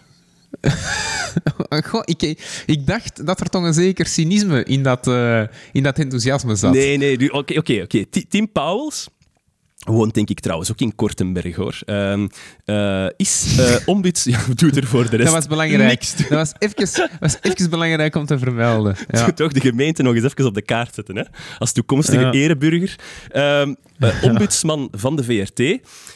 Wat dus eigenlijk wil zeggen dat als je klachten hebt, dat je die naar de VRT kunt sturen en hij moet daar dan naar kijken als neutrale partij en het... Um, en de berichtgeving van de VRT zo'n klein beetje kaderen, is, is zien of er inderdaad iets fout gelopen is. Nu natuurlijk, in tijden van corona krijgt je wel eens een keer mailtjes van alle gekkies. Uh, de mensen die dat niet zozeer geloven in de vaccins. Mocht u een van onze luisteraars zijn, kan u gerust de podcast afsluiten op dit moment. nee, nee, nee, blijf lu- nee, nee, dat moet stijgen, dat moet stijgen. Ja, ja, ja. Nee, nee, want ik vind, ik vind... We moeten er misschien eens iets over doen, maar ik vind die vaak... Allee, ik, ik, degene die het vaccin nemen, vind ik niet veel rationeler vaak dan degene die het afwijzen. Ze. En dan kijk ik ook naar mezelf. Maar bon, ja, dat is een andere discussie. Hè. Weet je waarom ik, dat ik jij probeer, dat ik zegt? weet, ik weet, Jij ik weet zegt dat dat omdat jij vindt dat, dat wetenschap de, de andere vorm is van, van godsdienst. Hè? Waarom geloof je het? Ah, omdat het geschreven is. Het staat niet meer geschreven in een bijbel, maar het staat geschreven in wetenschappelijke artikels. En dat we er fundamenteel zelf niks van begrijpen. Dat is de reden waarom dat jij dat zegt. Ja, ja, absoluut. absoluut. Ja, en, dat, en, dat, ook en, zo, dat ons, en dat ons paradigma geshift is. We geloven meer in God, maar we geloven nu plotseling in de wetenschap. En de mensen die dat daar niet in geloven, hè, de, de, de Galileo's van deze tijd, maar dat is niet zo, PG. Dat zijn niet de Galileo's van deze tijd. Nee, nee, maar dat, dat weet jij niet. Allee, ik bedoel, ik geloof... Waarom, waarom heb ik mij laten... Nu zijn we begonnen, hè. Oh, maar waarom nee. heb ik mij laten vaccineren? Ik heb, nee, nee, ik heb zelf geen één onderzoek gelezen over dat vaccin. Ja. Ik heb wel geluisterd naar de VRT, Ja. waar dat dan schermgezicht... eh, waar dat het is geen schermgezicht, maar dat dan mensen komen als Erika Vliegen en eh dingetjes daar, Mark van Ranst. Ja. Ik ben nooit gaan opzoeken of dat die effectief professor zijn, of dat die effectief een diploma hebben. Ik ben dat nooit gaan opzoeken. Ik heb mij daar nooit... En zo, met mij zijn er miljoenen, hè. 90, 95 procent van degenen die gevaccineerd zijn, zijn zoals ik, hè. Zijn dat nooit gaan opzoeken. Ja. Maar is zijn gewoon omdat die mensen op het scherm kwamen, zijn ervan overtuigd, oké, dan is het goed. Hè? Als Erika Vliegen zegt, Mark van Rans zegt en, en nog tientallen anderen hè, zeggen van het, het, het, ehm, eh, je moet je laten vaccineren. Voor mij is dat voldoende. Maar dat is toch ook een geloof dat ik heb. Ik geloof dat de overheid, en daar komt het denk ik op neer, ik geloof dat de overheid en dus de publieke omroep, dat die de waarheid zeggen tot op zeker niveau. Ja, en ja. dat je daar dus niet iets moet achter gaan zoeken. Maar dat is ook maar een, een geloof. En ik kan mij inbeelden dat je andere mensen hebt die... Ik, ik, ja, allee, pas op. Ik, ik, zo, ik ben zo niet, maar dat je daar ergens dat wantrouwen... dat wantrouwen is op niks gebaseerd natuurlijk. Dat is irrationeel, maar misschien is dat geloof ook irrationeel. Als jij naar een brico moet gaan om een sifon van je lavabo te versteken en je vraagt een shoppinglijstje, aan wie ga jij het winkellijstje vragen? Ga jij dat vragen aan een loodgieter of ga jij dat vragen aan Mark van Ranst? Uh, nee, nee, nee, maar oké. Maar ga ik dan opzoeken? Stel, stel je voor dat uh, jij jij hebt mij al heel uw leven verteld, allee, of heel de, de, de periode dat we elkaar kennen, heb jij mij verteld dat jij loodgieter zij. Dan vraag ik dat aan u. Maar ik ga niet opzoeken of dat jij effectief loodgieter zij. Dus ik vertrouw u. ik geloof u, maar, ik ga dat niet opzoeken. Ons vertrouwen in de wetenschap komt toch niet uit het niets. Ik ben al een paar keer naar het ziekenhuis moeten gaan. Er hebben al een aantal mensen in mijn, in mijn lichaam liggen desteren en dat is altijd goed uitgedraaid. Waarom zou ik dan nu ineens moeten twijfelen over wat dat die mensen zeggen, terwijl ik dat daarvoor nog nooit, nooit gedaan had. Nee, oké, dat zijn mensen die dan er vaak ook ervoor getwijfeld hebben. Hè. Ja, en je weet niet... Uh, allee, Zijn we echt deze discussie aan het doen, PG? Ik, ik... Ja, maar ik vind, ik vind dat niet uh, zo irrationeel... Uh, allee, ik, vind, ik, ja, ik vind dat moeilijk om, om, om daar bij te zeggen dat die dommer zijn of zo. Dan, dat heb ik niet gezegd. Uh, nee, nee, nee, maar ik zeg ook niet dat jij dat gezegd hebt. Ik val, ik val u ook niet, niet persoonlijk aan, maar, maar, maar vaak is dat wel zo de insteek van, of wordt ermee gelachen? Ik ook, hè. Ik bedoel, ik heb er ook al eens mee gehad dat ik ook lacherig deed en dat er dan iemand bij stond die. Uh, dus dus ik, ik, ik, dat is ook mijn eerste reactie van, alleen mannetjes, doe niet belachelijk. Maar ergens moet ik toegeven, nogmaals, dat vaccin, ik heb me daar heel graag hè, zo snel mogelijk laten vaccineren. Maar ik heb nooit, ik heb geen ene paper gelezen die zegt zus of zo. Ik heb mij gewoon op de flow van, men zegt dat dat, dat goed is. Allee, men zegt dat het werkt. En ook inderdaad, hè, en in Nerdland zeggen ze dat. Ik snap het ook niet. Waarom, als je 99% van, van mensen uh, zeggen dat het werkt en, en er zitten wetenschappers bij, waarom zouden dan zo achterdochtig zijn tegen de overheid? En, of tegen, niet, de, niet per se de overheid, maar tegenover uh, mainstream media? Als je dan ook podcasts als Nerdland en zo rekent onder mainstream media, waarom zouden daar achterdochtig tegenover zijn? Ik snap dat ook niet, maar is dat daarom per se. Is dat, is dat daarom per se irrationeel? Nee, wacht. Ik weet het niet. Um, ik denk persoonlijk dat het. Wie zijn wij om hier iets over te zeggen? Maar oké, ja, kijk, iedereen, iedereen maakt het mee. Hè. We zijn met 11 miljoen mensen in België die ervaring hebben met, met, met, met vaccins en geen vaccins. Dus iedereen heeft er iets over te zeggen.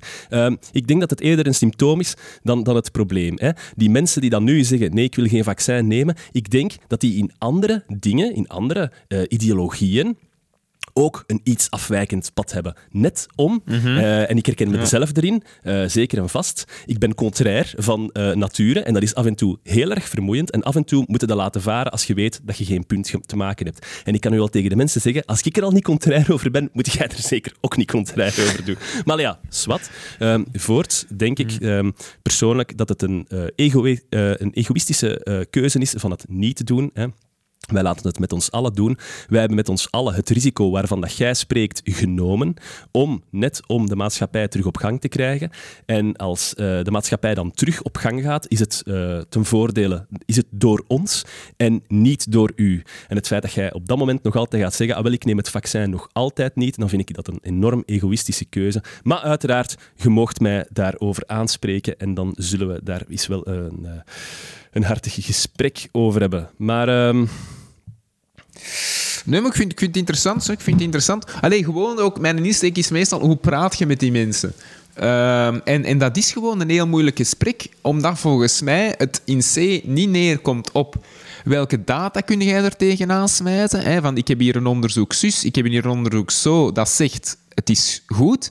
Volgens mij is dat niet de kwestie. De kwestie is uiteindelijk wie echt wie geloofde in wat uh, in wat, uh, ja, in, in, wat gelooft je? Gelooft je dat de overheid marcheert of niet? dat een publieke omroep, dat de klassieke media, dat die marcheren of niet. Geloofde dat? Eh, en, en dus, ik denk 95% van, de- van, van de bevolking gelooft dat. Maar ja, volgens mij komt het Maar het toch komt, hier heel toch, vaak neer op geloof. het komt hier toch... Geloof in de wetenschap, en, en dat is natuurlijk gewettigd, eh, gewettigd vertrouwen, gewettigd geloof in de wetenschap. Eh, maar, maar heel vaak lijkt het mij neer te komen komt op, toch eh, op altijd- geloof. Alleen ik denk dat je dat moet erkennen voordat je die discussie... Sorry, ik, ik onderbreek hoor. Eh, ik dat, onderbreek je, dat je dat moet erkennen... Nee, nee, nee. bon. dat, dat je dat moet erkennen voordat je in die discussie gaat. En dat je moet, moet ja, waarom, waarom vertrouwde, allee, waarom zo'n mensen, hè, waarom vertrouwde dat niet als de media u zegt, als, als Erika Vliegen u zegt, als Mark van Ranst u zegt, dit is wat de onderzoeken uit, het die, eh, het, het die ehm, Helsmoortel, eh, als zij zeggen, dit is wat het onderzoek uitwijzen, eh, er is al zoveel onderzoek naar gedaan, et cetera, waarom geloofde dat niet? Ja, ah, wel. Maar daar zit dus een, een denkfout in, als ik het zo mag noemen. Ja, ik mag het zo noemen. Want ehm, zij hebben niet zozeer wantrouwen in de media, ja toch wel, maar dat is omdat ze denken, denk ik, ehm, dat de media onder één hoedje speelt met de overheid en dat de overheid een complot aan het uitwerken is. En daar is zo'n grote... Wat, zou kunnen, hè? Maar er is zo'n grote tegenstrijdigheid. Hè? Want langs de ene kant ehm, geloven die mensen dat de overheid niks kan. En langs de andere kant denken ze dat ze toch op een of andere manier het allergrootste complot ooit kunnen, kunnen, kunnen bewerkstelligen. Met de slimste koppen die er ooit hebben bestaan. En dan niemand daarvan ooit aan de alarmbel gaat trekken. Allee, waar? Daar zit toch, daar zit toch een tegenstrijdigheid in? Ja, En wat is het doel ja, van ik de zie, ik zie dat ook niet. Ik zie, ik zie het ook niet, hè. Dat daar, dus daarom, ik geloof dat ook, voor alle duidelijkheid, niet, hè. Ik geloof dat De niet. overheid heeft nog maar- altijd geen betonstop kunnen realiseren. Hoe denkt je dat die ooit met eh, eh, ergens, ergens een verheven plan de helft van hun bevolking gaan willen uitroeien door die vaccins te geven? Ja, ja. Nee, maar ik, eh, dat is juist, maar dan... Dat is ook geen hard bewijs wat je nu geeft. Hè. dat is gewoon... ook niet? waar Dat is ook een redeneren- gevoel. Nee, nee, nee. Maar dus... Ah, voilà. Ja, ja. Maar dus dat is wat ik zeg. Dat, dat je allebei toch ergens een zeker geloof hecht aan. Ja. En dus eh, je hebt allebei wel argumenten, maar heel vaak, nogmaals, komt het volgens mij neer op: heb je vertrouwen in de overheid? Heb je vertrouwen in, ehm, ehm, in, in, in, in de publieke omroep? Allee, als je, zo in Amerika is het toch ook vaak dat wantrouwen tegen de, over de overheid. Hè? Dat is ook waarom dat die wapenbusiness daar zo, zo floreert. Eh, allee, zo, je hebt dat eens in, in, in Reizen Waas gehad of een ander programma, hè, dat je dan vraagt, en, en waarom moet dat nu? Waarom moeten al die wapens hebben? Ja, als de overheid eens iets zou proberen of wat dan ook. Dus dat streven, allee, dat denken van de overheid is niet eh, per se goed. Hè. De- je moet je kunnen, kunnen afzetten tegen de overheid of je moet je kunnen beschermen tegen de overheid. Ik denk dat dat iets is, gewoon dat bij ons ehm, eh, er niet is. eh, of, of veel minder is en dat wij geloof hechten wa- aan wat de overheid zegt. Ehm, en, en, en nogmaals, ja, ik, ik, ik- zit ook in, in dat geval. En, en, en ik denk dat er wel, en ik denk vooral duidelijkheid, ik denk dat er wel rationele argumenten voor zijn. Hè? Absoluut.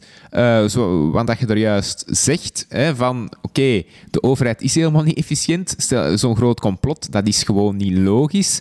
Ehm, je hebt heel veel eh, in, in, in, in een maatschappij met vrije meningsuiting, je heel veel ehm, checks hè, op wat er gezegd wordt. En, en je hebt ehm, ehm, wat de VRT en zo doet, allee, hè, van ehm, eh, die, die, die, die cross-control. eh, allee, dat heb je op heel veel ehm, gebied. Dus er zijn wel rationele argumenten te vinden, zeker. Maar ik denk dat heel veel mensen zich niet per se laten leiden door die rationele argumenten. En dat het heel vaak gewoon is van de, dus nogmaals, de overheid zegt dat je moet laten vaccineren.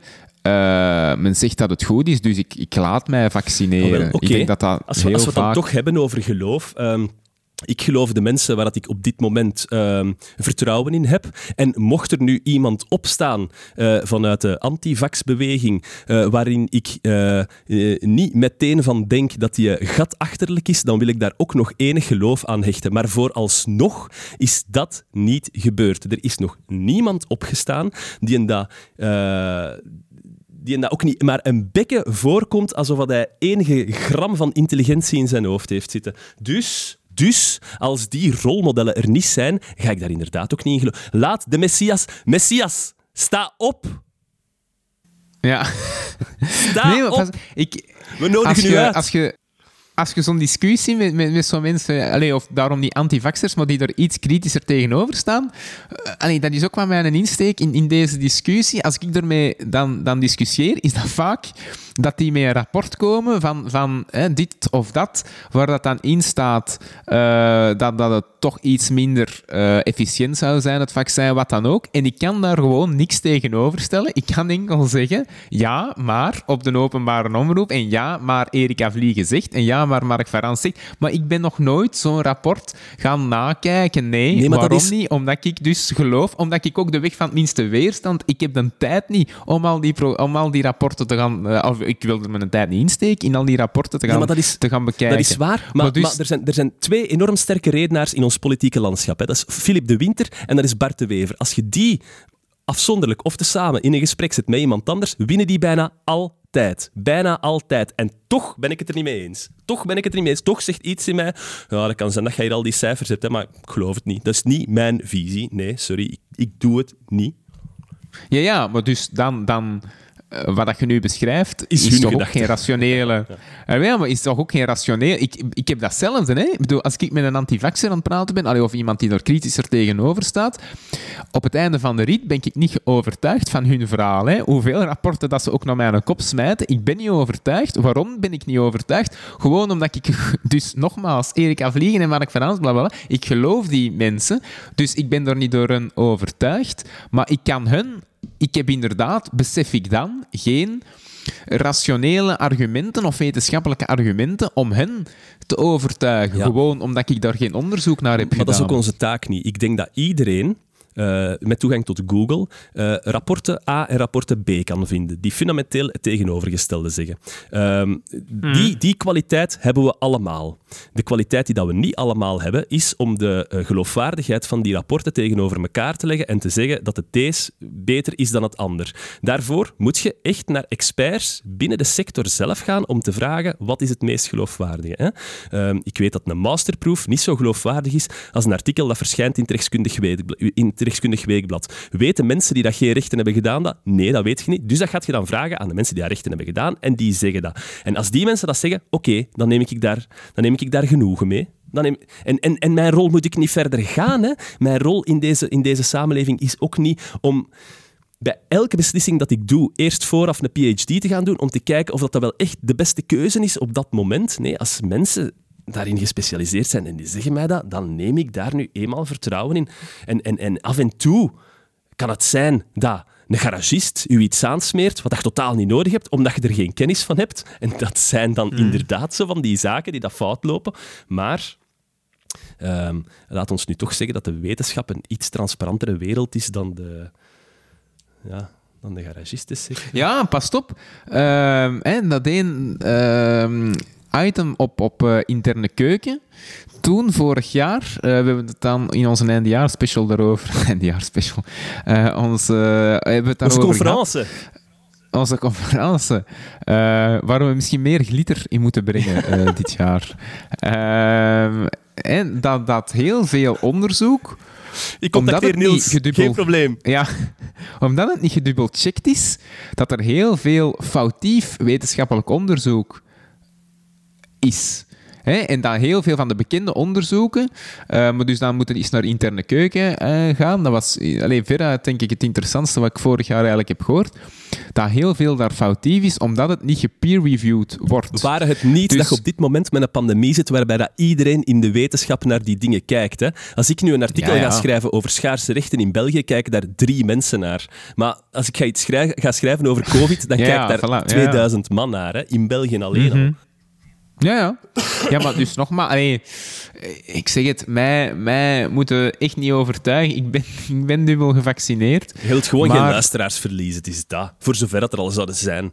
Ja, ja, dat, dat is ook waar, dat is ook waar. Nee, nee, het is echt gewoon, hoe gaan we met zo'n mensen in, eh, in discussie? En ik, en, en, en dus, allee, ik, ben, ik betrap me er zelf ook op dat je heel vaak er lacherig over doet. Maar ja, ben ik, en dan, dan, dan kijk ik naar mezelf, ben ik zo veel rationeler? Ik weet het. Nee, ik weet het niet. Ik geef toe dat wetenschap het nieuwe geloof is. En ik geef toe dat ik op dit moment in de wetenschap evenveel geloof als dat de mensen vroeger geloofden in wat de priester zei. En dat, dat, en dat ik nu ook denk van dat de vroeger hè, de mensen de priester geloofden, dat dat inderdaad een hypocriete stelling is, of een hypocriet uitgangspunt is van mijn twegen. Ehm, Langs de andere kant denk ik ook dat het verschil tussen die twee situaties de transparantie is. Er is enorm veel transparantie en dat maakt net dat het. Ja, dat Ja. maakt net dat mijn hypocrisie een klein beetje wordt verminderd, omdat je zo'n brede toegang hebt. tot- Ah, wel, maar, daar, ah, wel, dat, vind, dat vind ik een mooie uitleg, transparantie. Maar ik vraag mij nu af, als je naar die mensen 100% pool van gevaccineerden gaat en je vraagt aan hen, oké, zeg mij nu eens, waarom heb je je laten vaccineren in één woord? Als ik, als ik transparantie zou horen, zou ik zeggen ja. Dat vind ik een rationele uitleg, maar ik denk dat ik dat weinig ga horen. Ik ga dat ook niet Ik zeggen. Wat zou ik nu transparantie zeggen? Ik zou zeggen, Lieve Scheiden heeft gezegd dat ik mij moet laten Ja, vaccineren. voilà, Dus ja, ik laat mij voilà, ja, ja, vaccineren. voilà. Ja, ah, wel, ja, voilà. Maar dus dat vind ik dan geen rationeel argument. Als er daarachter zit transparantie, vind ik dat wel ergens een rationeel argument. Maar l- dat lieve scheiden dat zegt... Oké, nee, maar kijk, kijk Ehm. ik, ik doe, ik doe een, opra- eh, een oproep. Hè. De messias van de antivaxers, ehm, sta op, contacteer ons. Als jij, een, als, Ja. echt, als jij een goed argument hebt en je hebt wetenschappelijke achtergrond, laten we dat wel even erbij zeggen als ijs, dan wil ik daar naar luisteren. Ik wil ook niet luisteren naar iemand die, die, die, die commentaar gaat geven over een strafrechtprocedure die aan niks van strafrecht kent. Hè. Dat wil ik dan ook niet. Hè. Dus, ehm, maar, PG, ik was bezig over Tim Pauwels. Ja. de mens zegt... Ja, ja. Hoe, ga, Hey, hoe gaan jij we hebt dat ons hier in dat straatje geleid, Ja. hè, vriend. Ja. Ik knip niks, hè. Ja. Ja, ja. maar ja, jij was op een bepaald moment over corona bezig. Hè? Ja, Ja, maar ja, ik inderdaad, ja. Hey, Jij wilt gewoon... Dat is uw... Dat is een van mijn Dat, stokpaardjes. nee, een van sorry, uw sorry. Jij wil iedereen Ja. te vriend houden. Laat het ons een probleem noemen. Je moet niet iedereen te vriend houden. Dat hoeft niet. Nee, nee, maar ik geloof daar, ik geloof daar ook echt in, wat ik nu heb gezegd er juist. Ja. Ja, Ja, ja. Dat, is, dat, was niet, dat was niet mijn CD&V-imago dat eh, eh, naar boven kwam. Dat was echt, dat was echt iets wat ik in geloof. Ja. Ah, zwart. dat is Tim Pauwels, ja. Ja, Tim Pauwels. Tim Pauwels komt af en toe een keer... ehm, op Facebook voornamelijk zie ik, dat, zie ik dat naar boven komen, waarin dat hij antwoordt op de lezersbrieven. Hè. De lezersbrieven van... Ik zal het herdefiniëren. Her, definiëren. ik ga het niet langer hebben over gekkies, ik ga het hebben over anti-vaxxers en andere mensen uiteraard. En Tim Pauwels heeft een, een, een zekere strategie die dat hem toepast. Hè. Hij begint altijd met het voorlezen van het tekstje. Een beetje smalend, een beetje sarcastisch, minachtend, eventueel beledigend, als ik het zo mag zeggen. En hij leest altijd het mailtje voor. En dan bij sommige mailtjes zegt hij daarna zo van... Ja, altijd die toon ook weer. Maar goed. En hij gaat hem voort met een uitleg. En hij heeft, hij heeft twee manieren van aanpakken. Eh, af en toe komt er een mail binnen waarbij hij hem denkt... Ja, er zit misschien wel een punt en ik zie wel een uitgesproken mening, maar ik denk dat ik de kerk in het midden ga houden. Dan is de mail genuanceerd. En af en toe komt hem ook iemand tegen waarvan het hem denkt... Goh, die zit toch wel heel ver verwijderd van, van de, de mainstream media. En hoe kan ik daarmee omgaan? Je kunt ermee omgaan op de respectvolle wijze dat PG net heeft gedaan. Je kunt zeggen van, kijk, ik begrijp uw uitgangspunt, maar toch proberen wij hè, vanuit de wetenschappelijke methode. Of je hebt de methode Tim Pauwels, die dan zegt, het kalf is toch al verdronken, en retsa, gewoon los ervoor gaan. Hè. Ehm, die, het is niet zijn doel om mensen te vriend te houden, laat het ons zo zeggen. En daarom vind ik de Tim Pauwels eh, een verfrissende blik binnen de VRT. Eh, bekijk die zijn filmpjes als je hem opzoekt. Tim Pauwels, ombudsman VRT, je komt ze allemaal tegen. Het is echt een Oh, maar jij er echt van? Ja, ik ben er fan van. Jij zit, ah, ah oké, nee, maar ik dacht echt altijd begrepen te hebben in die WhatsApp-conversaties. Ik dacht dat dat ironisch was. Oh, nee. Dat jij, ehm, van, hij is weer bezig, hij is weer bekakt aan het doen, dat jij er geen fan van waart. Oh, bekakt aan het doen. Nee, nee, maar Ja, eigenlijk- hij, hij doet niet bekakt hoor. Hij leest, hij leest die Hmm. mailtjes gewoon op zo'n fantastische wijze voor dat je denkt, alright, Tim. Je gaat ervoor, hè, vriend. Ja, ergens had ik moeten weten dat dat natuurlijk ja, u zou aanspreken. Ja. Goed, nu dat we deze aflevering over vaccinatie en betonstop en de VRT achter de rug hebben, was er nog iets dat jij eraan wou toevoegen, PG? Nee, nee, nee. Het heeft weer al veel te lang geduurd, denk ik. Jezus. Ja. Ik zou eens een aflevering moeten doen over de situatie in, eh één man in Nederland. Het is daar niet goed aan het gaan op dat moment. Hè. Met eh, allee, de regering nu even terug eh, een, positief bericht dat er eventueel onderhandelingen gaan zijn. Maar Jesus Christ. In Nederland zeggen ze, ja, we gaan, we gaan de langste regeerformatie ooit hebben. En ik zeg, maar je zit nog niet eens tot aan onze hielen. En zij zeggen, ja, maar onze situatie is nu echt zo bitter en zo ernstig. Eh, ja, het is niet goed, hè. Zot, hè? Ze moeten ook ergens 1 miljoen woningen gaan, gaan neerplanten. 1 miljoen woningen. Waar gaan ze dat doen?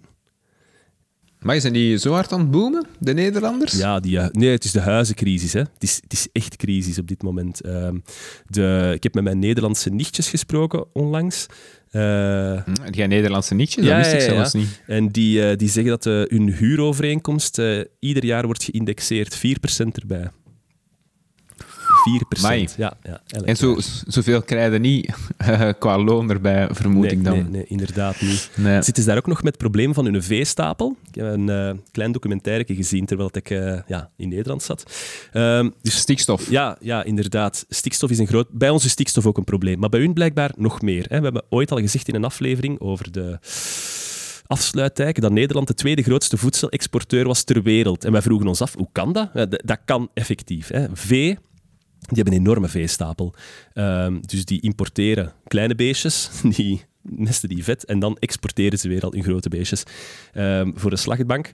En dat geeft enorm veel stikstof. En als je dan maar kijkt, dus tweede grootste voedselexporteur ter wereld, en wilt je weten hoeveel dat die sector oplevert voor het bruto nationaal product? Ik heb dat gezien op tv, maar ik geloof het bijna niet. Anderhalf procent. Oei, Ja. dat is wel eens zot. opzoeken. Hè. BNP, Nederland. Ja, het, is, het is echt, het is echt zot. Ehm, ik, ga het, ik het eens moeten opzoeken of dat wel waar is, want ik geloof het bijna niet. En als het niet waar is, laat ik het eruit. Maar goh. ja, serieuze problemen. Allee, jong, godverdikke. Nederland, Gietsland. Toch niet meer. Ehm, ja, overheidsmatig hebben die daar... ehm, even, even kijken, hè, even kijken. Hè, volume van de landbouw. Eh, het belang van de landbouw in de Nederlandse economie lag in 2018 net iets boven het Europese gemiddelde van 1,1 procent. Mai. Wauw, Ja, dat is wel zot. dat is echt enorm. Eh, enorm weinig. Ehm, Ja, voilà, ja. ja, ja. Ja. Ja, inderdaad. eh, cijfers van 2020 hebben het over 1,4% van eh, het bruto binnenlands product.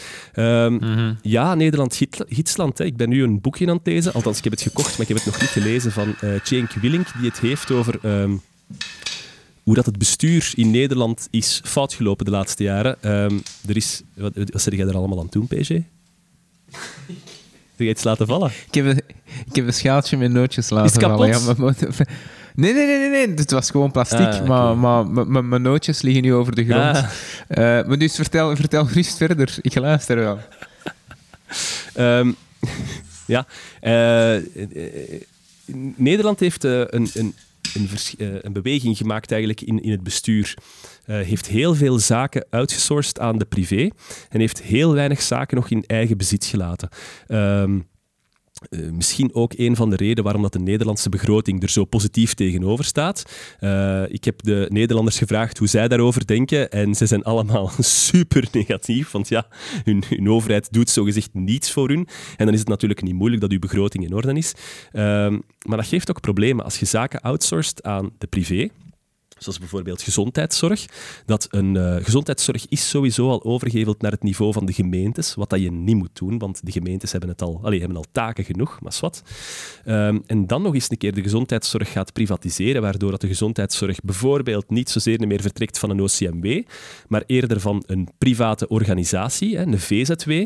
Ja, Stel je voor, je vraagt een rolstoel aan. Die rolstoel die wordt geweigerd door die VZW. Waar gaat je dan in beroep? Eh, als dat een publieke instantie is, is dat redelijk simpel. Dan gaat je naar de Raad van State. ehm, of andere eh, rechtscolleges. Maar, bij zo'n VZW is dan weer al de vraag, ja, waar gaat het daar dan voor naartoe? Dus ehm, eigenlijk echt wel eh, redelijk... Nederland staat op een... ehm, een, een cruciaal punt, denk ik. Eh, ze gaan beslissingen moeten nemen over hoe dat ze verder willen met hun bestuurscultuur. En dat wordt bij ons ook al jaren gezegd, maar wij maken gewoon altijd compromis waardoor dat wij verder kunnen gaan. Maar ik denk dat er daar wel een ernstige ehm, wijziging staat, uh, op til staat. Daarom ook dat Pieter Omtzigt zo populair is, is nu afgescheiden van de CDA, de, de, de, de, de christelijke tak van, de, van, de, van het politieke spectrum. En dat hij zijn eigen partij is begonnen. Maar daar weet ik het fijne niet van. Dat moet ik nog eens allemaal opzoeken. Ja, maar dat is dan voor een volgende aflevering. Een volgende aflevering, ja. Ik kom volgende week naar uh, Nederland. In de week daarna kom ik naar uh, Amsterdam. Ja, hè? ja, het geschiedenisfestival. Ja. Volgende ja. week, hè? Ja, ja, in uh, Rotterdam. De Doelen of zoiets. Zaal De Doelen in Rotterdam. Ook alweer bedankt om mij daarvoor uit te nodigen. Hè? maar dat, hey, dat heb ik echt wel gezegd. Dat heb jij niet gevraagd. Er... Ik heb u gevraagd of dat je dat weekend vrij waart en jij zei, nee, dan moet ik naar het geschiedenisfestival. Oké, okay, maar ik zal u volgend jaar neem, uh, nodig ik u uit. Ja. Nee, en, en dus vanaf nu, als er iets van Sound of Science is, um, dan... Eendert, ik ben, ik ben deze week, Ik ben deze week trouwens nog eens gegaan hè, met Stijn Meuris over de Hubble-telescoop. Ja.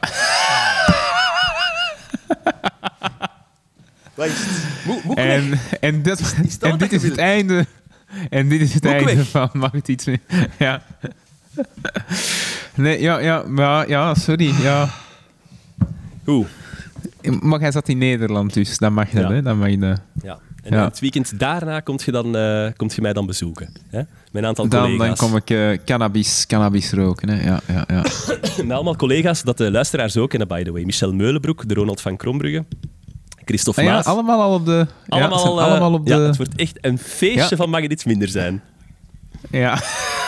voilà, voilà, we brengen dat wel in. Ja, by the way, ook Onkosten. een, shout-out naar de Roxy. Waar we dus, eh, hebben we het al verteld dat we naar de Roxy zijn geweest? Op de podcast? Ah, nee, dat is juist. Dat zal nog niet. Nee, nee. Eh, de. Roxy, dus eh, boegbeeld van de Vlaamse videotheeksector in Roeselare. We, we zijn op bezoek gegaan bij, bij Michel en, en de ouders van Michel. Greet en... Ah, fuck, Greet wist ik ook nog. Oh. Eh, Praat het vol, PG. Praat het vol. ah ja, ja. Eh, nee, super sympathieke mensen. Hè? Ja. Super symp- We komen daar binnen, we kregen daar pintjes, we kregen daar toosjes, hapjes. Eh, dus... eh, Nog- nog wat, ja. we- ah, Nog wat. Ja, nee, blijf ik. Ja, dus de West-Vlaamse vriendelijkheid. Ah, we hebben daar eh, niet enkel het normale gamma aan films gezien, we zijn daar ook achter het gordijntje mogen gaan. Bart. Dat was de eerste Bart. keer... Bart. Bart Bart, ja. juist. Eh, Griet. Eh, Griet. Griet? Het is toch Greet? Is dat Griet Ah ja, Callens? Nee, het is Greet. Ja, ik denk ook Greet. Ja. We zijn er achter het gordijntje mogen gaan. Hè. Eh, allee, eigenlijk een trap op. En hun aanbod aan erotische films is wel verontrustend Maar groot eigenlijk. alles is, is verontrustend ja, groot. ja, dat is juist. Dat is juist. Maar toch, de erotische films hebben gewoon heel de eerste verdieping. Hè? Ja, ja, maar ik denk dat ze, ja. Ja. ik denk dat ze daar gewoon alles hebben. ik- ja, de rest van hun films staan niet allemaal uitgestald, denk ik. Maar van de erotische films wel. Ah ja, nee, dat zou ja, ook jong, kunnen. ik, dat zou eh, kunnen. goh, er zijn een aantal beelden op mijn netvlies. Heisse scheisse Ja. was echt geen... eh, Oh, Daar worden nog wakker daar van. straks nog wakker Ja. van.